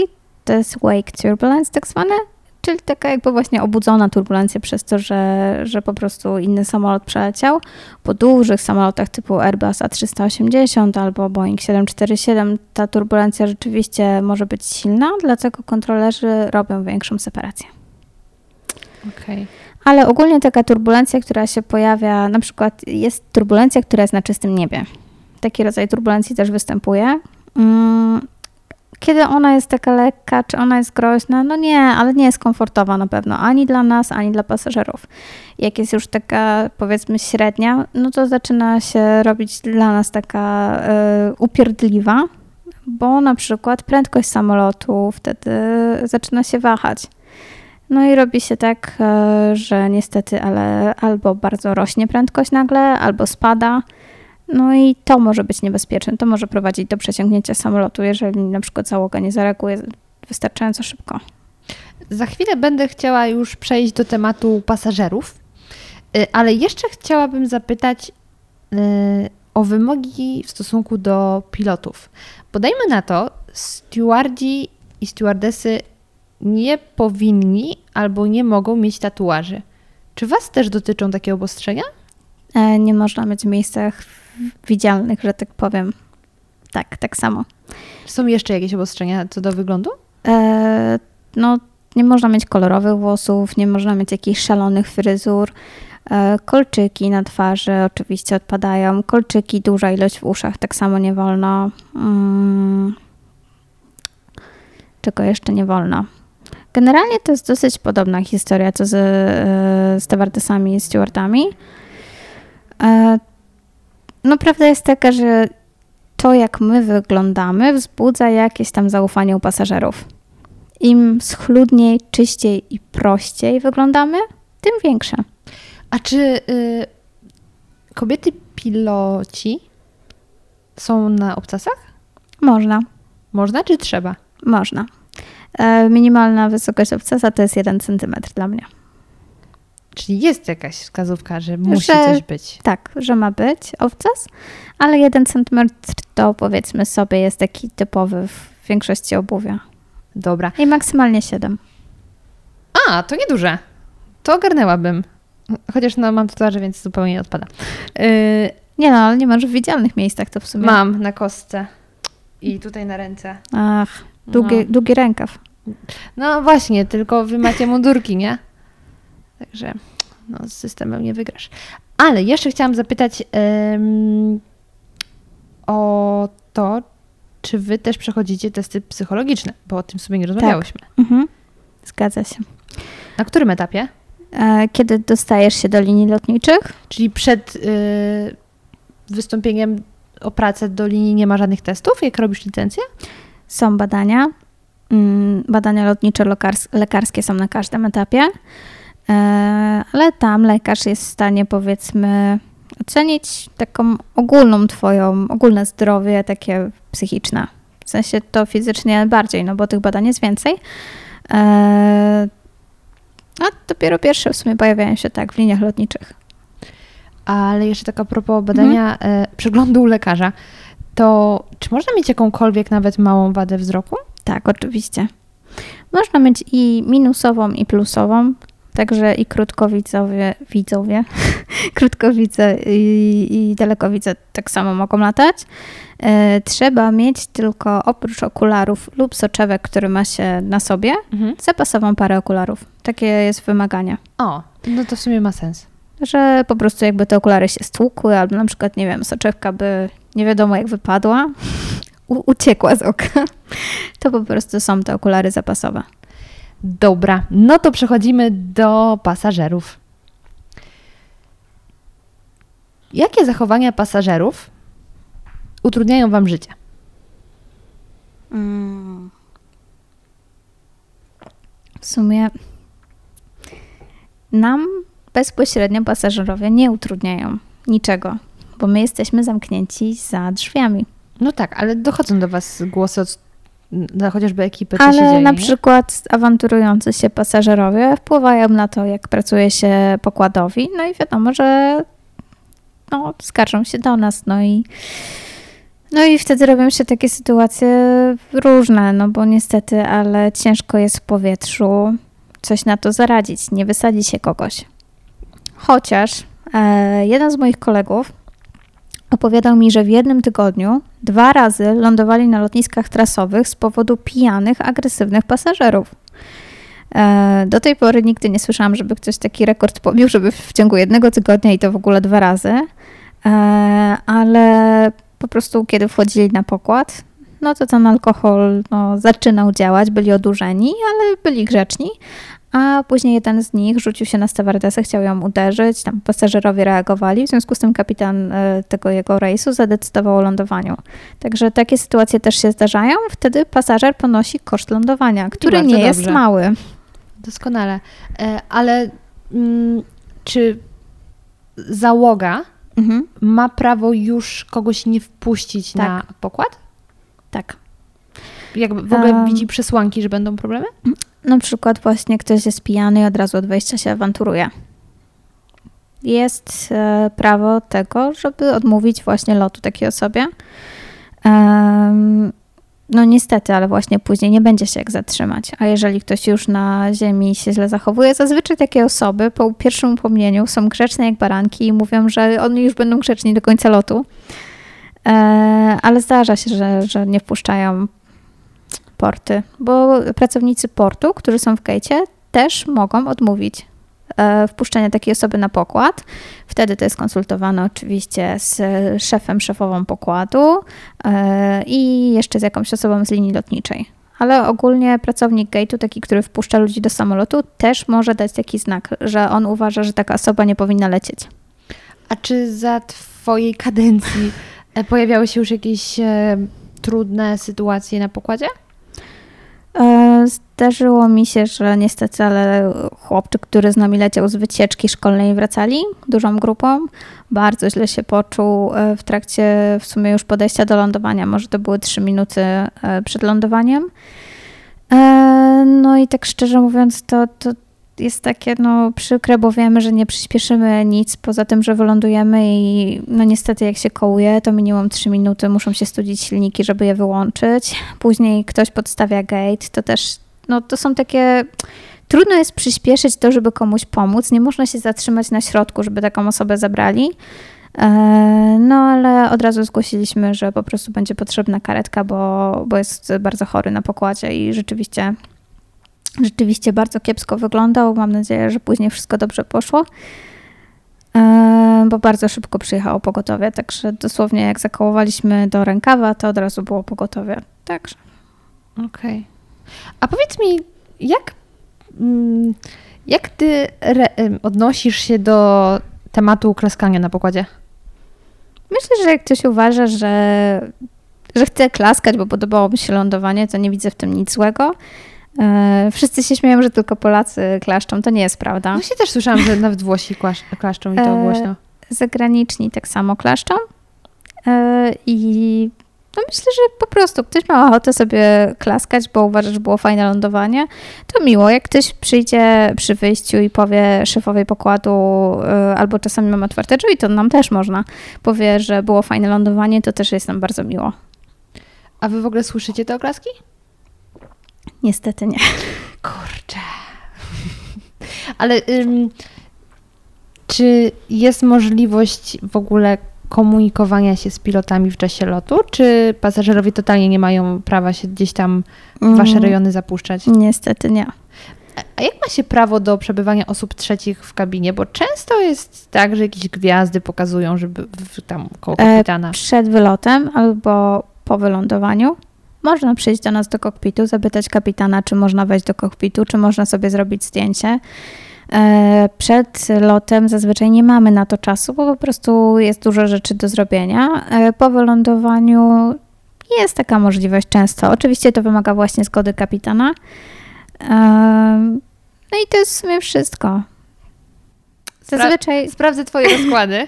Przypadkiem będę lecieć. Zazwyczaj jest tak, że po prostu no, my nie powinniśmy być na tych zdjęciach. Mhm. I tylko tyle. Ale generalnie to też nie jest tak, że, że na przykład, nie wiem, rodzice chcą zrobić zdjęcie po prostu ze stewardessą i z pilotem i dziecku i to jest jakieś, nie wiem, zakazane czy coś takiego. Nie, można, bez problemu. Czasami przychodzą i bierzemy na kolana i rodzice robią zdjęcia, bo boją się same usiąść dzieci. No, ale fajne pamiątki. Super. Y, No dobra, no to o tym locie tak w sumie krótko porozmawiałyśmy. Mówisz, że nie ma jakichś większych problemów z pasażerami z twojej perspektywy. Fajnie jest, jak wchodzą i na przykład czasami machają. Polacy tego nie robią, ale e, za granicą to się zdarza. Albo na przykład jak od nas wracają do siebie, to, to rzeczywiście tak jest, że południowcy głównie machają do nas. Wsiadają jak jest szklany rękaw, tak że nas widać, to, to się zdarza. Ekstra. Miło. Ale to zostajmy jeszcze na chwilę w powietrzu, Mhm. bo chciałam zapytać, jak wygląda kwestia jedzenia posiłków w ogóle. Jemy. Nie głodujemy. Jecie to samo, co je... Mm, Jemy różne i między sobą też jemy różne. Także nie możemy jeść tego samego po przypadku, kiedy obydwaj piloci zatruli się jedzeniem. Wprowadzono taki przepis, że każdy z nas ma zjeść coś innego. Ale coś innego, to znaczy, które wyszło spod innej ręki, czy zupełnie inne składniki muszą być? Zupełnie co innego. Dostajemy zupełnie inne składniki. Eee, także zależy od długości odcinka e, i rejsu. Dostajemy ciepłe i zimne jedzenie. I, I to i to jest różne. Także nie ma, nie ma tego, że na przykład zjemy takie same ciastka albo zjemy taką samą sałatkę, bo po prostu jest ryzyko tego, że na przykład tak jak dzisiaj jest 37 stopni, wszyscy ledwo żyją, to jedzenie e, jest wkładane oczywiście tuż przed rejsem, tak jak rozmawiałyśmy, jak przygotowywany jest samolot. No i niestety, ale może się tak zdarzyć, że ono się zagrzeje i się zepsuje. No i w takiej sytuacji, kiedy obydwie osoby źle się czują, no to jest niebezpiecznie. Y, Miałam jakieś pytanie związane z tym mm, jedzeniem. A! Y, Czy wy sobie wybieracie z menu, co chcecie dostać, czy to zostaje Można. narzucone? Można, a jak nie, to, to jest obligatoryjna porcja. Także ogólnie i tak, i tak dostaniemy, ale jeżeli mam ochotę sobie zamówić coś tam, to na przykład naleśniki z serem mogę zamówić. Ktoś to lubi naleśniki z serem? Większość z nas zamawia naleśniki z serem. Jak, już, jak jest coś zamówione, to zazwyczaj są to naleśniki z serem. I wtedy jest y, papier, kamień, nożyce, kto bierze? Kto zamówił pierwszy? Czad. Dobra. A jak wy, wygląda kwestia... No właśnie, wy nie możecie spać. Nie. To ile może najdłużej trwać lot? E, Generalnie najdłużej mogę pracować 12,5 godziny. To jest czas pracy. Czyli godzinę 15 przed rejsem, około godziny między i pół godziny po. To jest bardzo dużo. To jest 12 godzin. Ale to jest bardzo dużo i e, niektóre linie mają takie długie rejsy, e, które wykorzystują tak po maksimum Ogólnie do planowania tego naszego czasu pracy są przepisy i nad tym też pracuje sztab ludzi, e, który kiedy robi plany dla nas miesięczne lotu, muszą uwzględnić to, ile ja mogę pracować dziennie. E, muszę mieć wypoczynek. E, kiedy jestem w bazie macierzystej minimum 12 godzin, poza bazą macierzystą jak śpię minimum 10 godzin. W tygodniu mam określoną ilość czasu, którą mogę przepracować i w ciągu 28 E, dni kroczących. Także tych zasad jest dosyć dużo. Jak zaczynam pracę w dzień, to mogę pracować dłużej, jak w nocy, to krócej. Ogólnie też dużo ludzi musi tego pilnować, żeby nie przekroczyć tych e, czasów pracy. Także u nas w sumie najdłuższy rejs, jaki ja robię, taki tam i z powrotem, to jest około 7 godzin 50 minut. Dużo. I do tego jeszcze dochodzi to godzinę 15 przed i po. I po. Dobra, a, a często latasz y, za granicę i tam nocujesz? Mm, latam głównie za granicę. E, rzadko po kraju, chociaż bardzo lubię latać po kraju. E, Ty już ledwo się rozpędzisz, musisz lądować. No, ale i tak fajnie, wiesz, można zobaczyć sobie Polskę. Wisełkę z góry. No i wtedy le lecisz na niższym poziomie, to lepiej wszystko widzisz. Fajnie sobie też nad Polską polatać, bo jest bardzo ładnie. E, czy często śpię za granicą? Czy w ogóle często śpię? Może tak bardziej bym ci to powiedziała. E, do tej pory to było około 4 do 6 nocy w ciągu miesiąca, które spędzam poza domem. Okej. Okay. Jest tak, że na przykład e, mogą to być takie nocowania krótkie, że przylatuję gdzieś tam około północy i o 6 rano już wracam. E, na to też jest specjalny przepis. Także tak wracając do tego, co powiedziałam wcześniej o tym wypoczynku, to tak też można, ale trzeba wcześniej z góry zaplanować i nic wcześniej, nic Idzie później w ogóle robić. wypocząć przez taką porę krótką? No, tak umiarkowanie. Ja bym chyba dłużej zasypiała niż spała. umiarkowanie, ale zazwyczaj to są krótkie rejsy i wraca się do domu od razu później. Także można odpocząć. E, czasami jest tak, że to jest jedna noc gdzieś tam na miejscu, czasami to są trzy noce, czasami e, lecimy gdzieś i tam jesteśmy po prostu trzy noce i czekamy aż samolot z powrotem po nas przyleci z inną załogą, bo samolot nie stoi, nie czeka razem z nami. Nie ma na to pieniędzy, żeby nie, stał. Dokładnie, nie stać go na to. E, ale czasami jest też tak, że na przykład lecę gdzieś tam i z tamtego miejsca latam w inne miejsca tak w sumie trochę zabrzmiało wiem, śmiesznie, ale na przykład... Z punktu A do punktu B, z punktu B do punktu C. Coś takiego, na przykład lecę na trzy dni do Katowic, tak jak byłam w tamtym miesiącu i z tych Katowic e, latam sobie w różne inne miejsca i wtedy moją bazą macierzystą przez trzy dni jest, są Katowice. Czy ty y, dzięki swojej pracy masz możliwość zwiedzania trochę? Mm, trochę tak, ale to jest troszeczkę może takie przereklamowane w oczach wielu ludzi, bo większość moich rejsów to jest tam i z powrotem. Czyli jednak. Bo te cztery czy tam sześć nocy gdzieś tam w innych miejscach, e, to często jest tak, że właśnie przylatujemy około godziny 22 i o 8 rano jest powrót. To nie jest czas na zwiedzanie, to jest czas na Absolutnie odpoczynek. Nie. Zdarza się tak, że na przykład przylatujemy gdzieś rano, jesteśmy cały dzień, śpimy i dopiero wracamy następnego dnia rano. Takie prawie 24 godziny. I to jest super, można sobie wtedy y, pozwiedzać, pojechać gdzieś zobaczyć jakieś fajne miejsca. Y, najdłuższe pobyty mamy z, z tych moich, które ja miałam, to no to takie dwu, trzydniowe tak naprawdę, to wtedy rzeczywiście można sobie zobaczyć na miejscu sporo, coś tam sobie fajnego zjeść. Ale generalnie rzecz biorąc, to my mamy stałą, można powiedzieć, stałą siatkę połączeń, także ja latam często w te same miejsca. E, to jest troszeczkę fajniej u Stewardes, pod tym względem, że one latają na różnych typach samolotów. I e, jeżeli lata sobie na krótkim, średnim zasięgu, tak jak mój samolot, e, i lata sobie na samolocie długodystansowym, no to wtedy może sobie polecieć na tak zwany Atlantyk, czyli do Nowego Jorku albo do Toronto i tam zazwyczaj jest 2-3 dni i może sobie zobaczyć e, nowe miejsca. Albo lecą na charter, albo w jakieś tam, nie wiem, azjatyckie strony. E, my tego nie mamy. A czy wy jak e, wracacie powiedzmy do Polski, to dokładnie z tą mhm. samą ekipą, załogą, stewardessami i tak dalej? Tak. Okej. Okay. A jeśli chciałabyś też zacząć latać za Atlantyk, to Mhm. czy to oznacza, że musisz przejść całe szkolenie dla nowego typu samolotu? Tak. A myślisz o tym? E, nie. Dobrze ci na krót- średniodystansowych? Tak, myślę, że jest dosyć wygodnie. E, To nie są właśnie też codziennie rejsy po kraju, takie krótkie, tak jak mówisz, góra dół, góra dół.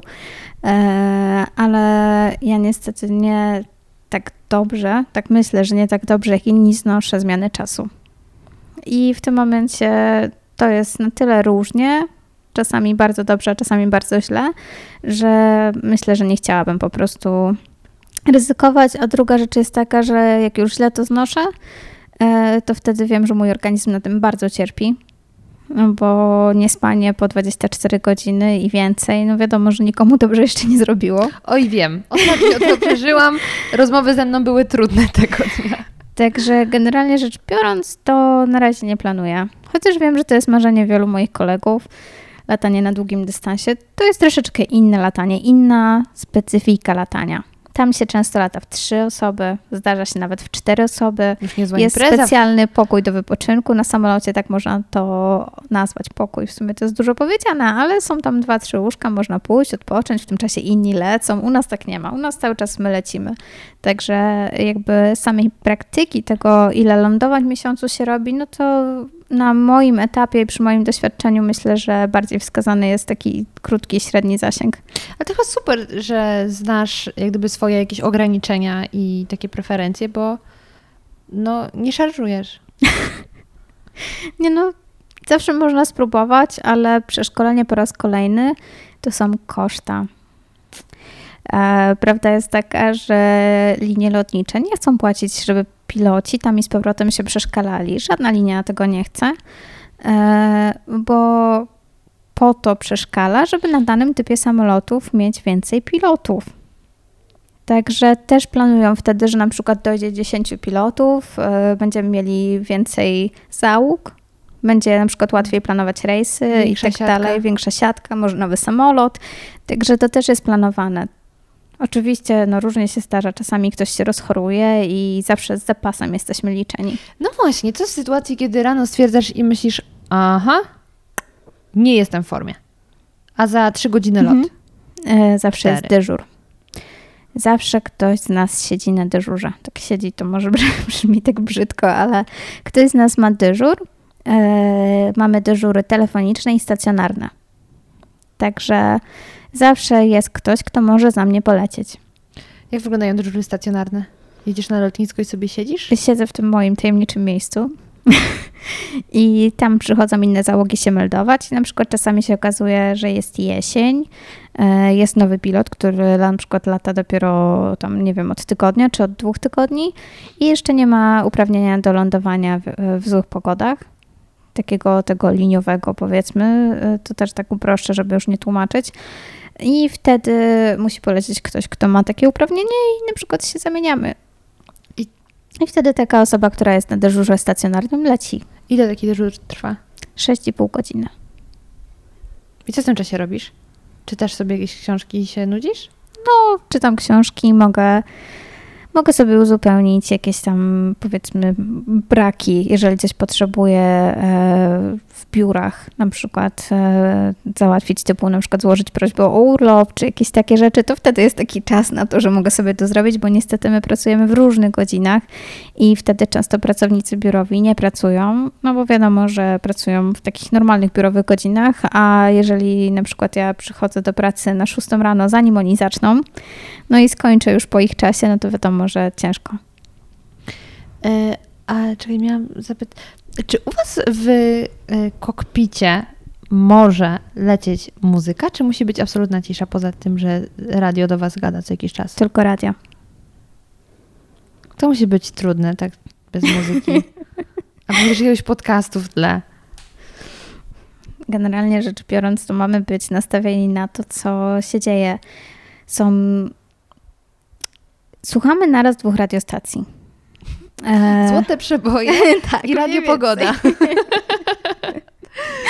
Szkoda, że nie, ale, ale to jest tak. Słuchamy tej, na której aktualnie lecimy, czyli tam są różne obszary i to się zmienia, e, te częstotliwości, na których rozmawiamy z kontrolerami, a na drugiej radiostacji mamy włączoną częstotliwość awaryjną.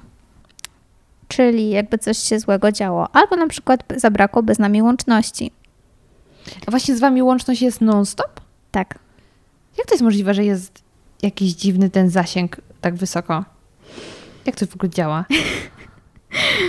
E, No, ogólnie rzecz biorąc, te nadajniki z Ziemi są na tyle mocne, chociaż zdarza się, że niewystarczająco i czasami kontrolerzy strasznie nam szumią. Ale wtedy można też ich poprosić i oni te nadajniki mają różnie skierowane i oni na przykład tam magicznie poprzełączają i wtedy nagle lepiej ich słychać. Także oni też mają moc sprawczą nad tym, jak Prawdziwe my ich będziemy tak, Genialne. jak będziemy ich słyszeć. Także Ekstra. Dobra, słuchaj, przejdę do pytań od patronów, mhm. bo trochę ich naprodukowali. E, więc lecimy.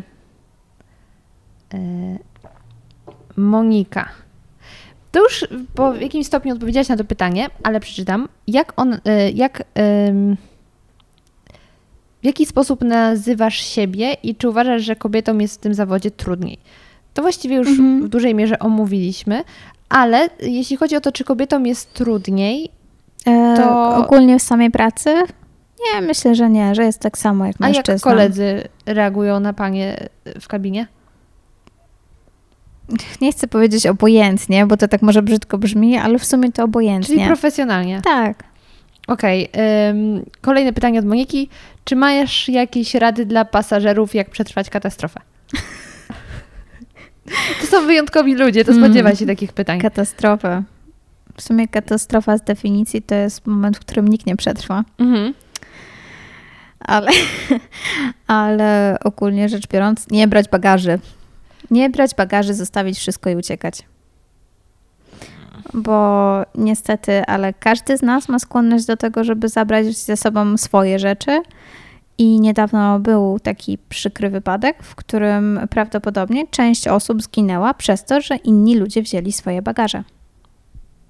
Świetnie. Także Ktoś takiego- uratował Ktoś uratował Szczoteczkę swój do zębów? Tak, bagaż, ale, ale przez niego zginął ktoś inny. Także może tak nie brać tych bagaży po prostu i Będzie wygodniej. no i może więcej osób przeżyje w tej katastrofie domniemanej. Ale jak jesteśmy przy okazji katastrof, to chciałabym poruszyć temat, e, który zaczęłyśmy króciutko, zanim włączyłam kamerę. Jak myślisz, skąd w ludziach fascynacja katastrofami lotniczymi? Dlaczego programy o katastrofach lotniczych cieszą się takim zainteresowaniem? I mówię to też dlatego, że kiedy dwa tygodnie temu rozmawiałam ze znajomym, że będę nagrywała z tą podcast, no to od razu przypadkiem pojawił się temat tego, że oboje oglądaliśmy katastrofy lotnicze i oboje lubiliśmy ten program. Myślę, że ogólnie sama fabuła programu też e, powoduje, że te katastrofy lotnicze to jest często taka zagadka. Jak jest katastrofa na drodze, to zazwyczaj po prostu dwa samochody zderzyły się czołowo. Samochód wjechał w drzewo, samochód wpadł do rowu, do wody, do czegokolwiek. Wszystko jest jasne. No w sumie W więcej sensie- scenariuszy trudniej, trudno wymyślić. Tak, no ewentualnie e, zaczyna się tak, czy kierowca był pijany, czy pisał SMS-y na komórce, albo oglądał stories na Instagramie, no i tego typu historie, ale ogólnie to, to często jest to łatwe do rozwikłania, tutaj jest na tyle dużo czynników, że to jest taka trochę zabawa w Sherlocka Holmesa, tak myślę, bo zaczyna się właśnie to całe badanie, e, dojście do tematu takie trochę od tyłu, e, tych czynników jest dużo, właśnie sprawdza się teorię Arizona, czyli czy ten czynnik ludzki to jest plastry sera, tak się nałożyły, że przez dziurki ten błąd przeszedł, że po prostu to jest taki dosyć ciekawy sposób też wytłumaczony i więcej czynników na to wpływa. A czy ty sobie oglądasz czasem? Czy... No, zdarza się, ale tak szczerze mówiąc, kiedyś, zanim zaczęłam latać liniowo, to jakoś tak myślę, że chyba bardziej mnie to ciekawiło. A teraz czasami, jak jakiś temat mnie zaciekawi, no to zdarzy się, że, że A czy obejrzę. ty jako pilot możesz wyciągnąć z tego jakąś lekcję, czy raczej się nie zdarza? Mm, To jest tak, że jeżeli z konkretnym typem samolotu związane są jakieś zmiany, na przykład właśnie po jakimś e, wypadku, po jakiejś katastrofie, to my dostajemy biuletyny na ten temat. Także producent samolotu od razu przysyła, daje do informacji pilotom, e, to, co tam zawiniło, albo co zostało źle użyte, jak on sugeruje, żeby tego używać. Także ogólnie to trudno powiedzieć, że bez takiego programu można się było co do swojego konkretnie samolotu dużo nauczyć, ale coś tam zawsze, zawsze coś tam na przykład zainteresuje, że jakoś inaczej ktoś coś wytłumaczył. Ja pamiętam, na, jest taki kanał na YouTubie Samoloty Mhm. E, i tam był odcinek o najgłupszym pilocie świata, coś takiego. I to był odcinek o katastrofie y, dawno temu w jakichś rosyjskich liniach lotniczych, bo jeden pilot założył się z drugim pilotem, że ten nie wyląduje na autopilocie z zawiązanymi oczami. I zgadnij, nie wylądował. I oglądam sobie, myślę, Kto ich tam kto ich tam wpuścił? A później tak troszeczkę stereotypem, wiem, ale Rosja. No, ale to była jakaś bardzo stara historia jeszcze ze Związku Radzieckiego, więc ta informacja też późno ostatecznie tam gdzieś wyszła. Ale No, no, to tak chodzi propos- taka, taka historia i ja też to kiedyś czytałam w jednym artykule, że na przykład w Indiach dwóch pilotów się pokłóciło o to właśnie, który pierwszy z nich będzie jadł. Naleśniki I z tam. I tam jest e, oprócz podziału kapitan pilot, to podobno gra rolę też to, w jakiej kaście się jest, jakie się ma nazwisko. No i właśnie podobno się pokłócili i pobili o to. I była katastrofa? Nie było katastrofy, ale generalnie to jeden chyba tam nie do końca się dobrze po tym czuł, bo po prostu dostał wciery. No, także są różne takie historie. Nie wiem, czy są prawdziwe, ale... Nie zadzieraj z pilotem. Nie, no. Dobrze, dalsza część Moniki. Mhm. A tak poważnie, czyli tam to było tylko żartem z katastrofą, ale już wiemy, nie zabierać e, bagaży. Bagaży. Mm, Czy miałaś jakieś niebezpieczne sytuacje w pracy? Tak na dobrą sprawę to nie. A jakieś historie z ptakami? Coś się zdarzało? Czy szczęśliwie? Zdarza się, zdarza się. Niestety to się pewnie większości z nas nieraz zdarzyło, ale ogólnie rzecz biorąc, to ptaki potrafią narobić bardzo dużej krzywdy, ale czasami to jest tylko po prostu uderzenie, to wymaga przeglądu i przez mechaników i, i tyle, nic się z tym samolotem złego nie dzieje. Dobrze. Mm, Jakub pyta, ile trwa regulaminowo, to chyba już powiedziałyśmy, lub trwała najdłuższa zmiana, cała procedura i lot? No to 12 godzin, Tak, 12,5 to jest tak... standard. Mhm. Dobrze. Patryk, ulubione lotnisko i samolot. Mm. Samolot pewnie twój. Nie, o dziwo nie. e, tak wizualnie mój ulubiony samolot to jest Boeing 747. Duża maszyna. Duża maszyna. No niestety głównie lata na długim zasięgu, to taki minusik. E, I moje ulubione lotnisko to jest... E, w sumie dwa tak bardzo lubię, tak bardziej, że tak powiem. E, London Heathrow i w sumie e, w Izraelu Tel Awiw. Czyli twój pierwszy. Tak. Mhm. Sentymencik. To też są w sumie lotniska, na które najczęściej latam. A powiedz mi, już się chciałam zastanawiać, czy możliwe, że sterowałaś samolotem, którym leciałam do Londynu, ale jest to niemożliwe. Nie ta linia. E, powiedz mi, czy dla pilotów e, Chopin jest wygodnym lotniskiem, czy są jakieś tutaj takie e, czynniki, które sprawiają, że lądowanie nie jest takie przyjemne? Mm, nie, generalnie to fajnie, bo można sobie, e, że tak powiem, usłyszeć swoich. W sensie Dzień dobry, dzień dobry. znajomego i tak, i, i powiedzieć komuś dzień dobry. E, Jak się witamy, ale ogólnie rzecz biorąc nie, całkiem przyjemne lotnisko. Teraz już nie takie małe, ruch jest coraz większy. To prawda. Jak zaczynałam, to, to mam wrażenie, że łatwiej było e, się zgłosić, a teraz czasami trzeba się tak wciąć na to radio, bo po prostu jest na tyle dużo, dużo operacji. Em, nie no, powiedziałabym, że jest jak, jak każde inne, a przez to, że no, mieszka się tu, pracuje się tu, jest się tu najczęściej, to tak Czyli no, jest się do przywiązanym. domu. Tak, takie rodzinne lotnisko można powiedzieć. Dobra, lecimy dalej. Mm, Dawid. Jak w prawdziwym życiu wyglądają skrajne sytuacje podczas lotu, lądowanie na autostradzie, jak w amerykańskich filmach? E, Czy takie sytuacje w ogóle się zdarzają? A jeśli tak, to czy piloci są przygotowani na taką ewentualność, czy polegają tylko na sobie? Mm, rok temu albo dwa lata temu w Rzeszowie była taka sytuacja, kiedy samolot, ale to był taki samolot y, dwuosobowy, nieduży, wylądował na drodze szybkiego ruchu, e, ale tak szczerze mówiąc, to to, żeby samoloty komunikacyjne lądowały na autostradzie, to trochę takie przegięcie. Niemożliwe w ogóle, bo by się nie Nie zmieścił. zmieścił linie energetyczne, budynki dookoła, Lampy. lampy, dokładnie, I to że ten wszystko pas po środku jest metalowy. na przykład albo zieleni, albo metalowy, albo coś tam innego, albo na przykład ekrany. No tak. No, także generalnie to tak science fiction. A w polu dałoby się? Dałoby się nie? w polu, ale później, żeby ten samolot wystartował z tego pola Nie ma opcji. i żeby go zabrać z tego pola, to byłoby strasznie skomplikowane i dlatego nikt by się tego nie podjął. W sensie po to też jak lecimy, to są wyznaczone lotniska trasowe. Jakby coś się zepsuło po drodze i trzeba by było nagle lądować, na przykład ktoś by się źle czuł, dostałby zawału, no różne sytuacje, albo samolot by się zepsuł w taki sposób, że uniemożliwiałoby to dalsze, wykonywanie dalszego lotu, to są lotniska trasowe i wtedy na tych Ale czy lotniskach te trasowe trasowych to są Mhm. powiedzmy mm, takie miasta jak, nie wiem, Wrocław, Katowice, Kraków, czy nawet takie malutkie, gdzie tylko szybowce zwykle latają? Nie, to są lotniska komunikacyjne. Okej. Hmm, także na przykład po drodze do rzeczonego Tel Awiwu, e, Istanbul to jest lotnisko zapasowe, Sofia, mm, to są większe lotniska. No, tak. No też dostać się do takiego to też trochę czasu zajmie.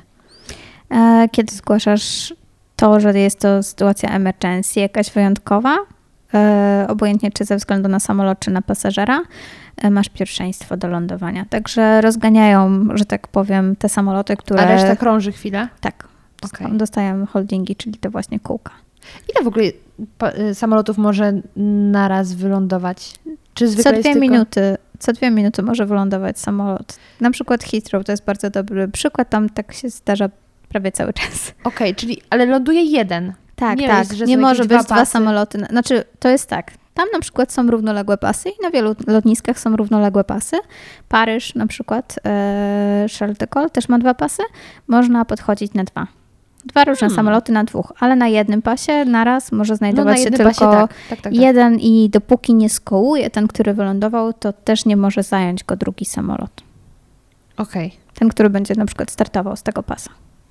E, Jeszcze jedno pytanie od Moniki. Mhm. Czy umiejętności pilota przydają się przy prowadzeniu samochodu? Mm, nie. Nic? W sensie jakby samo prowadzenie może nie, ale ma się lepszy taki scanning, że dużo rzeczy się wyłapuje. Że dookoła głowy tam się bardziej, myślę, widzi, że się jest takim czujnym. Mhm. Ale poza tym to, to nie, no bo nie ma pedału gazu i hamulca. A masz czasem takie fantazje, że na przykład, nie wiem, jedziesz sobie samochodem i myślisz, kurde, rozwinamy teraz skrzydła i heja do góry? Nie. No ale może kiedyś będą takie samochody. No może, może jak w Jetsonach. To był rok 2000, to jest w ogóle No. coś im nie poszło. Dobrze, y, Krzysztof. O, na pierwsze pytanie już odpowiedziałaś.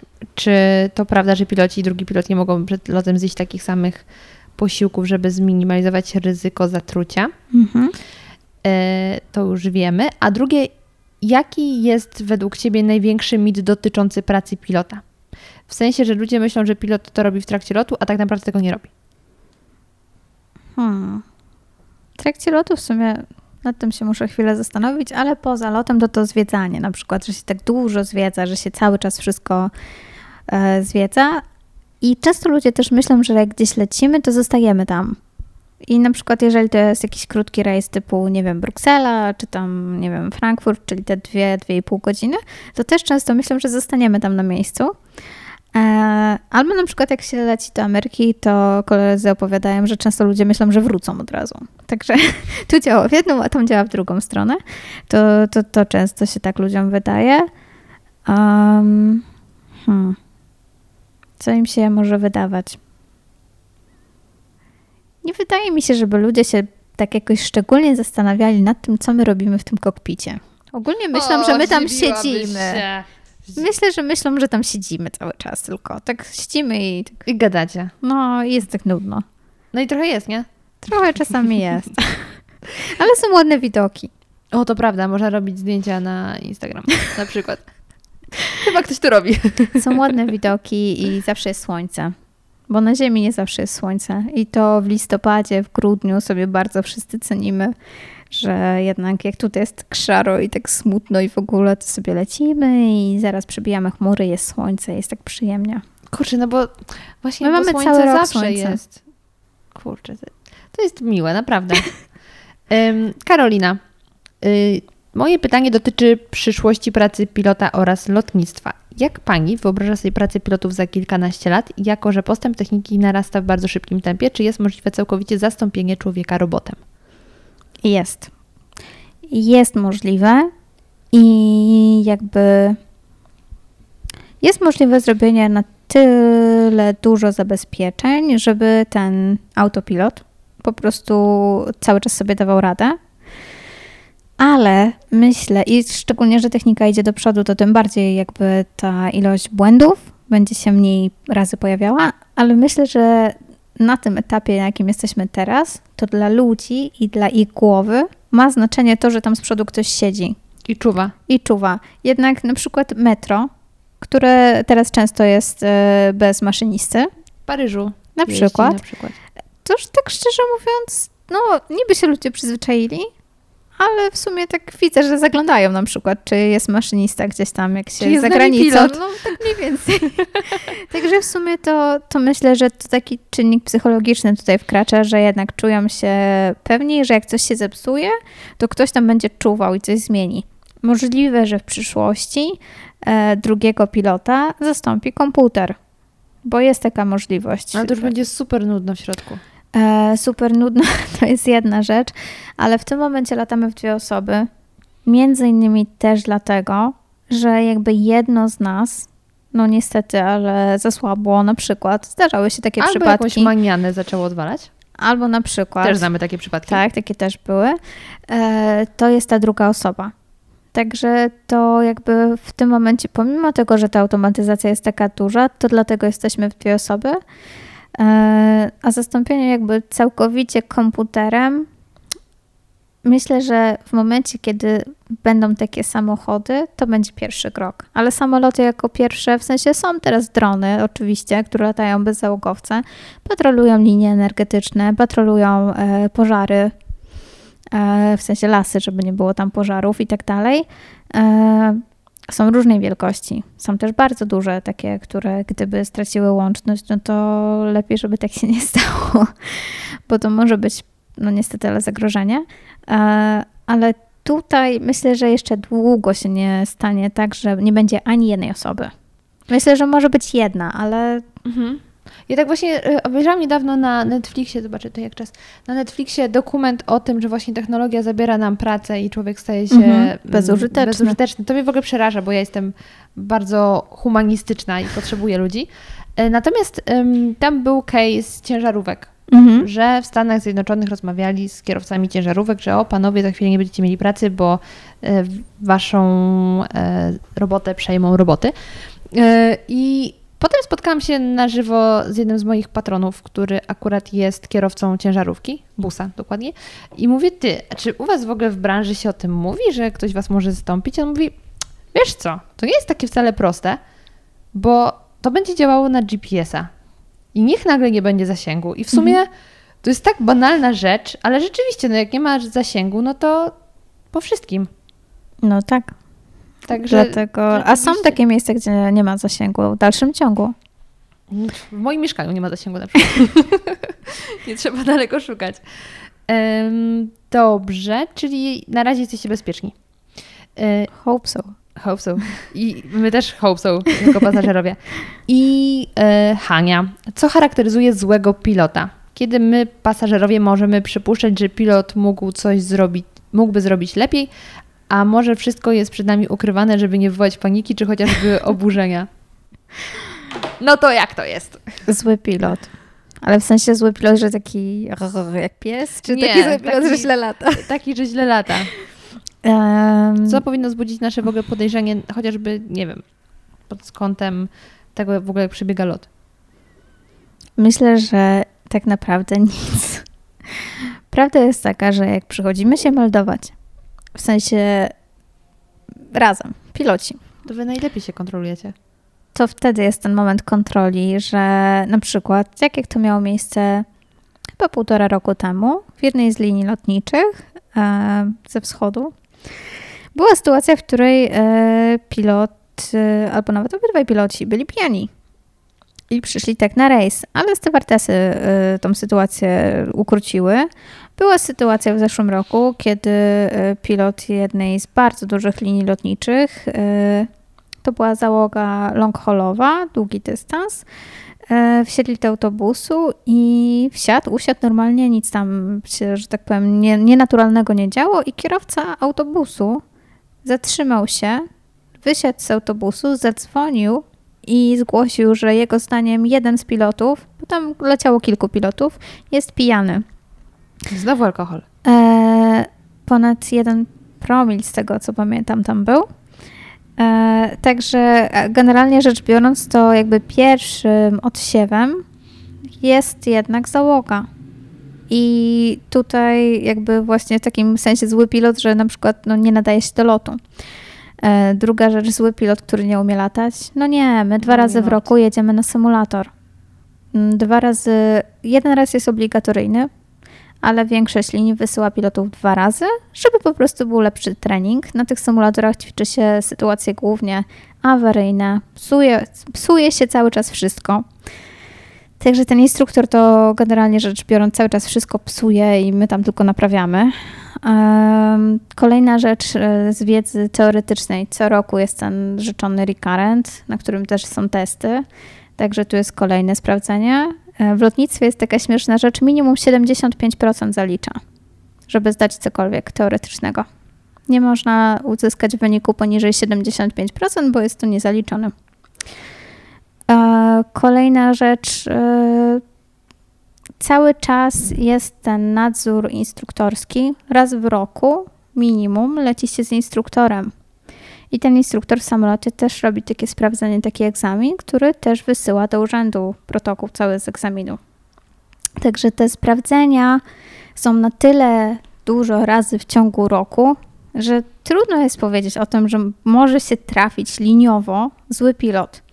Jedyne, co przychodzi mi do głowy, to może być zmęczenie. Zmęczenie. Albo mhm. jakieś problemy na przykład w, w domu, które ktoś przyniesie do pracy. powód, z jakiego jakby to zostało zbadane, że najczęstszy powód takiego właśnie, nie wiem jak to nazwać, ale zmniejszenia koncentracji, może tak, e, w pracy wśród pilotów, to jest e, śmierć współmarzonka.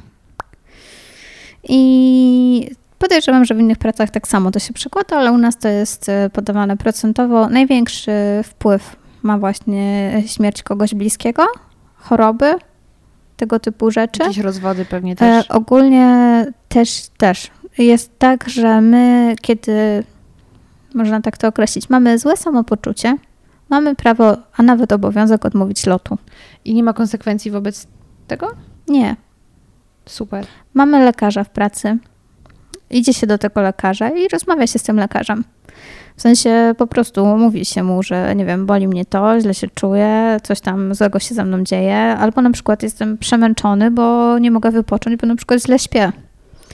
I prawo lotnicze jakby nakazuje każdemu członkowi załogi spisać się z rejsu, nie wykonać rejsu, jeżeli źle się czujesz. Co roku są te badania lotniczo-lekarskie, także ogólnie rzecz biorąc, każdy z nas jest sprawdzony. Eee, tak Całkiem, całkiem, bo mało kto sobie robi co roku EKG, e, morfologię pełną, próbkę moczu. E, raz na 5 lat jest audiogram, czyli sprawdzenie słuchu, e, spirometria, czyli wydolność płuc. I na wstępnych badaniach do otrzymania klasy pierwszej zdrowia jest też pole widzenia. I niestety nie wszyscy ludzie to pole widzenia mają na tyle szerokie, że mogą dostać te badania. W jakim sensie? Mm, Bo nie mówimy, takiej... nie mówimy o wadach wzroku typu plus To nie jest wada wzroku. Mm. Tylko jak daleko tutaj na przykład Tak, tak. I, I dokąd jest tak w miarę dobrze? Generalnie e, wsiada się do takiej maszynki, tam jest ciemno i pojawiają się różnej jasności plamki. Takie kropeczki, punkty, jak gwiazdy na niebie.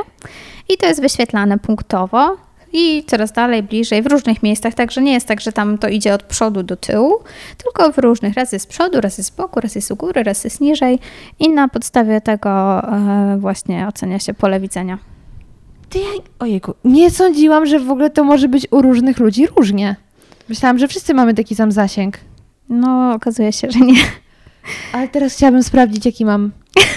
Zrobisz mi później testy? Lekarz.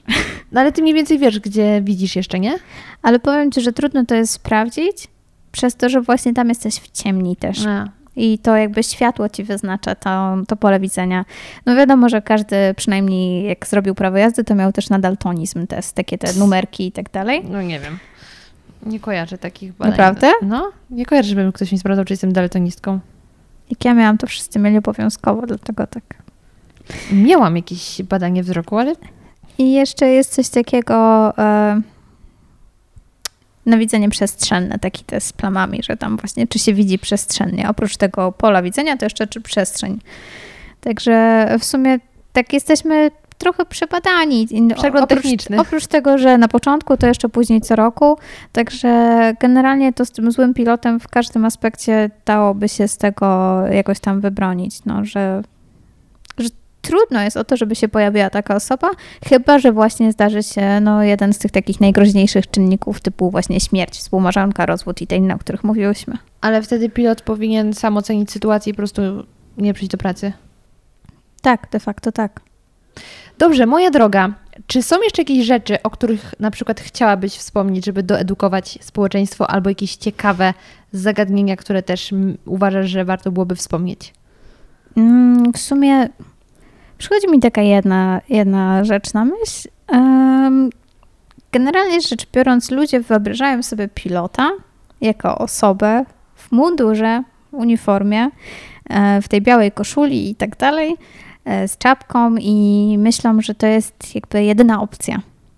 I to jest jedyny aspekt, który bym chciała poruszyć, bo pilotem zawodowym nie musi być pilot liniowy. Pilotem zawodowym może być instruktor, który szkoli na małych samolotach. Pilotem zawodowym może być ktoś, kto gasi pożary, robi opryski.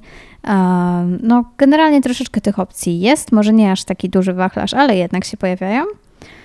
E, Pilot techniczny, który oblatuje samoloty w fabryce. Jest też specjalna działka od tego. Także to jest w sumie taki jedyny aspekt, że chciałabym, żeby ludzie nie myśleli, że to jest jedyna jakby słuszna droga, bo ta praca ma dużo różnych e, takich odszczepów, odłamów. I druga jeszcze rzecz to jest taka, że właśnie tak jak rozmawiałyśmy wcześniej na lotnisku, mm, też wszyscy myślą o nas i o stewardesach. A prawda jest taka, że na to, żeby ten samolot poleciał, pracuje sztab ludzi. Pracują ci, którzy to wszystko liczą, ci, którzy koordynują, pracują ci, którzy przywożą właśnie catering do samolotu, ci, którzy sprzątają, pan, który zajmuje się wypychaniem samolotu i prowadzi samochód tak zwany push. Boże, jak ja bym się chciała kiedyś nim przejechać. Dla mnie w ogóle cała logistyka lotniska jest wspaniała. To tak pięknie wszystko wygląda. Ten samochód waży y, kilka, kilkanaście ton, żeby mógł e, mieć tyle siły, żeby pchnąć taki wielki mhm. samolot albo pociągnąć, bo i to, i to. E, Koordynatorzy, którzy przychodzą do nas do samolotu i jakby koordynują to wszystko, co się dzieje w kółko samo- samolotu, czyli ci, czy bagażowi na przykład ładują bagaże, e, czy paliwo jest zatankowane, czy zawołać to paliwo. E, Właśnie paliwiarze, kolejna sprawa, dyżurni portów, pracownicy gate'ów, jakby na to, żeby ten samolot poleciał, musi pracować sztab ludzi. I to w sumie też jest ważne, bo Żeby klaskać też dla tych pozostałych. tak, bo oni też muszą wstać o czwartej rano, tak jak ja, też muszą przyjść do pracy i też muszą zrobić to dobrze. Bo na przykład, jeżeli ktoś, kto robi wyważanie, się pomyli, no to wtedy mogą być z tego różne konsekwencje. Albo na przykład, jeżeli bagaże nie zostaną przypięte, albo na przykład zwierzątka zostaną załadowane do złego bagażnika. Właśnie, jak jest z tymi zwierzętami? Gdzie latają zwierzęta? Bo ja nie wyobrażam sobie mojego psa oddać gdzieś. Mój pies by tego nie przeżył. E, Zwierzęta do około 5 albo 7 kg, nie chcę kłamać, ale mniej więcej to jest taka masa, razem z klatką, czyli tą torbą przenośną, e, mogą lecieć na pokładzie samolotu. Jest nadzieja. E, ale inne, sam, inne zwierzęta, które się w samolocie na przykład nie zmieszczą, albo lecą same, bo jeżeli zwierzę leci samo, to nie może lecieć w samolocie na Mhm. pokładzie, tylko musi być w bagażniku. Lecą w e, moim samolocie, to jest bagażnik pierwszy, który jest hermetyzowany To znaczy? ciśnieniowane i temperatura jest utrzymywana w związku z tym, żeby się nie udusiły z braku tlenu i nie zamarzły. No i te zwierzątka są tam właśnie, One muszą być przerażone. są przerażone często. Są naprawdę często psów, jest mi strasznie żal kotów, zresztą tak samo, ale innych zwierząt też, bo weźmy różne zwierzęta. Co wam się jeszcze zdarza? Wiozłam raz dzioborożca. No, Co to jest to dzioborożec? jest taki ptak z takim śmiesznym dziobem, który jest tak do góry trochę wywinięty. Taki ptak, który chciał być jednorożcem, ale mu nie Coś wyszło. takiego, tak, tak, Okej. mniej więcej. E, Małpę też mi się zdarzyło wieść. E, Żaby się wozi dosyć często, trzmiele. Po co? E, W niektórych krajach jest za mało owadów i nie zapylają wystarczająco dużo roślin. W związku z tym się przewozi. Sokoły. Sokoły się w dużych ilościach wywozi do Azji. E, Co jeszcze? No poza psami kotami z takich ciekawych. Ale jak one są oddzielone, żeby tam sobie krzywdy nie zrobiły? One w ogóle są pozapinane jakoś? E, ogólnie każde zwierzę w osobnej klatce zazwyczaj, ale zdarza się, że na przykład psy Ale to jest wasza podróżują... klatka czy właściciela? Nie, właściciela. Okej. Zdarza się, że psy podróżują razem w jednej klatce. To mi się zdarzyło widzieć. E, nie wiem, czy to ze względu na to, że właściciel na przykład stwierdził, że mniej się będą bały, jak będą razem, czy A, jakiś inny, znać, no inny bo- powód. E, by- ale obce psy nie, nie. Tu nie ma takich Okej. sytuacji. No i one sobie tam siedzą, ale generalnie jest mi ich zawsze bardzo żal, bo zanim zostaną zapakowane, to są w tym całym huku. Niestety w kółku samolotu jest bardzo głośno. Eee, No i są w tym huku. Później z tego huku idą do ciemnicy. Tam są między bagażami przypięte. No i tak szczerze mówiąc, zawsze po prostu jest żal tych zwierząt. Nie zadam tego pytania, ale aż się zastanawiam, czy są zwierzęta, które nie dotrwały końca lotu, więc nie odpowiadaj mi. Em, Zdarza się, że takie, które nie dotrwały końca swoich dni, albo dotrwały, może tak raczej, przepraszam, dotrwały końca swoich dni, są przewożone do innych miejsc. To się zdarza, na pewno. I to też w tym luku dla zwierząt? Mm, tego nie wiem, gdzie są konkretnie, czy muszą tam być. Okej. Bo to myślę, kurczę, jakby już moje zwierzę musiało być w tym luku, to jak nic bym dała mu środki nasenne. Teoretycznie teraz nie wolno tego robić. Ale oczywiście właściciel może, bo to jego zwierzę. No, no właściciel tak, bo nie wyobrażam sobie, żeby linie Ale- lotnicze dały. Ale generalnie to jest raczej, no, nie chcą, żeby to było robione. Nie wiem z jakich względów, może weterynarz bardziej by się na ten temat mógł wypowiedzieć, ale Okej. biedaczki. Y, Słuchaj, mam do ciebie takie pytanie jeszcze na koniec. Czy zdarza ci się, a jeśli tak, to jak ci jest wtedy, latać jako pasażer? Zdarza, oczywiście. I co, masz taką, taką ciągu, ciągotkę od razu, że zapukać i powiedzieć siema, mogę wam w razie czego pomóc?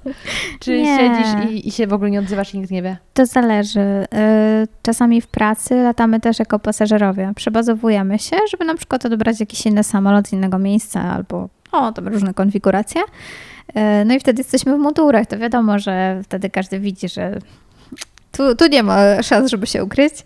Y, No i też jak latam y, wtedy zazwyczaj 99,9% swoją linią lotniczą, to wiadomo, że część pilotów znam, no to jak już idziemy w rękawie, to do siebie tam machamy.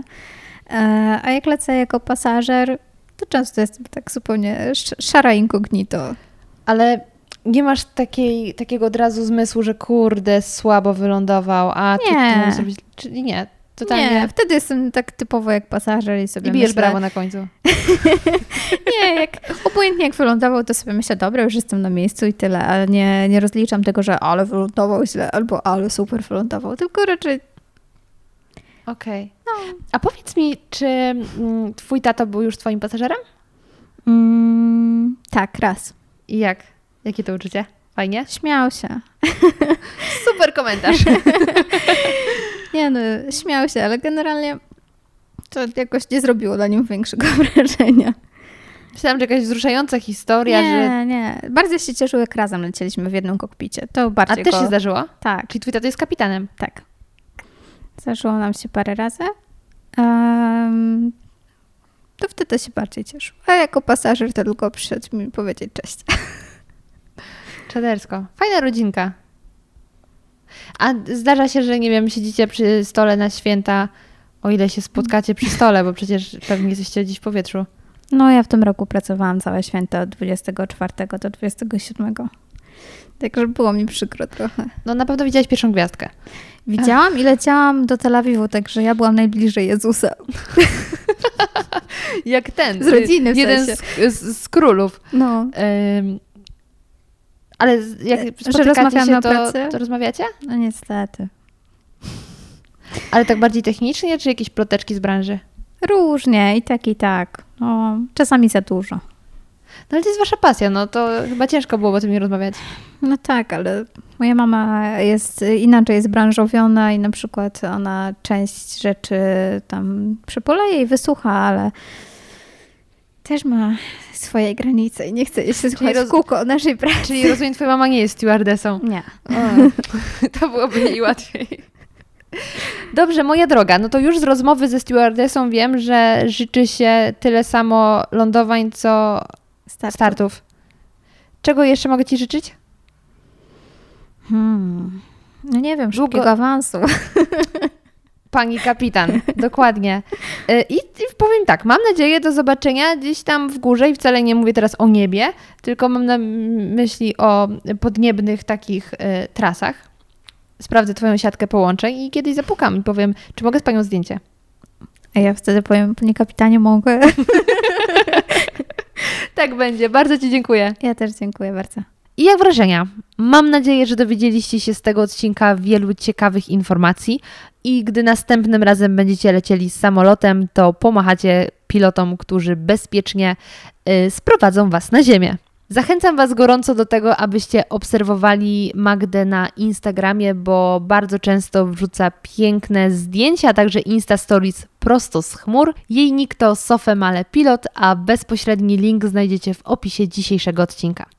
Jeśli chcecie pozostać ze mną w kontakcie, to jestem na Instagramie zmaczne.go, na Facebooku podcast radioaktywny, y, a także możecie do mnie napisać maila podcastradioaktywny małpa gmail.com. I to tyle. Bardzo dziękuję i do usłyszenia już niedługo.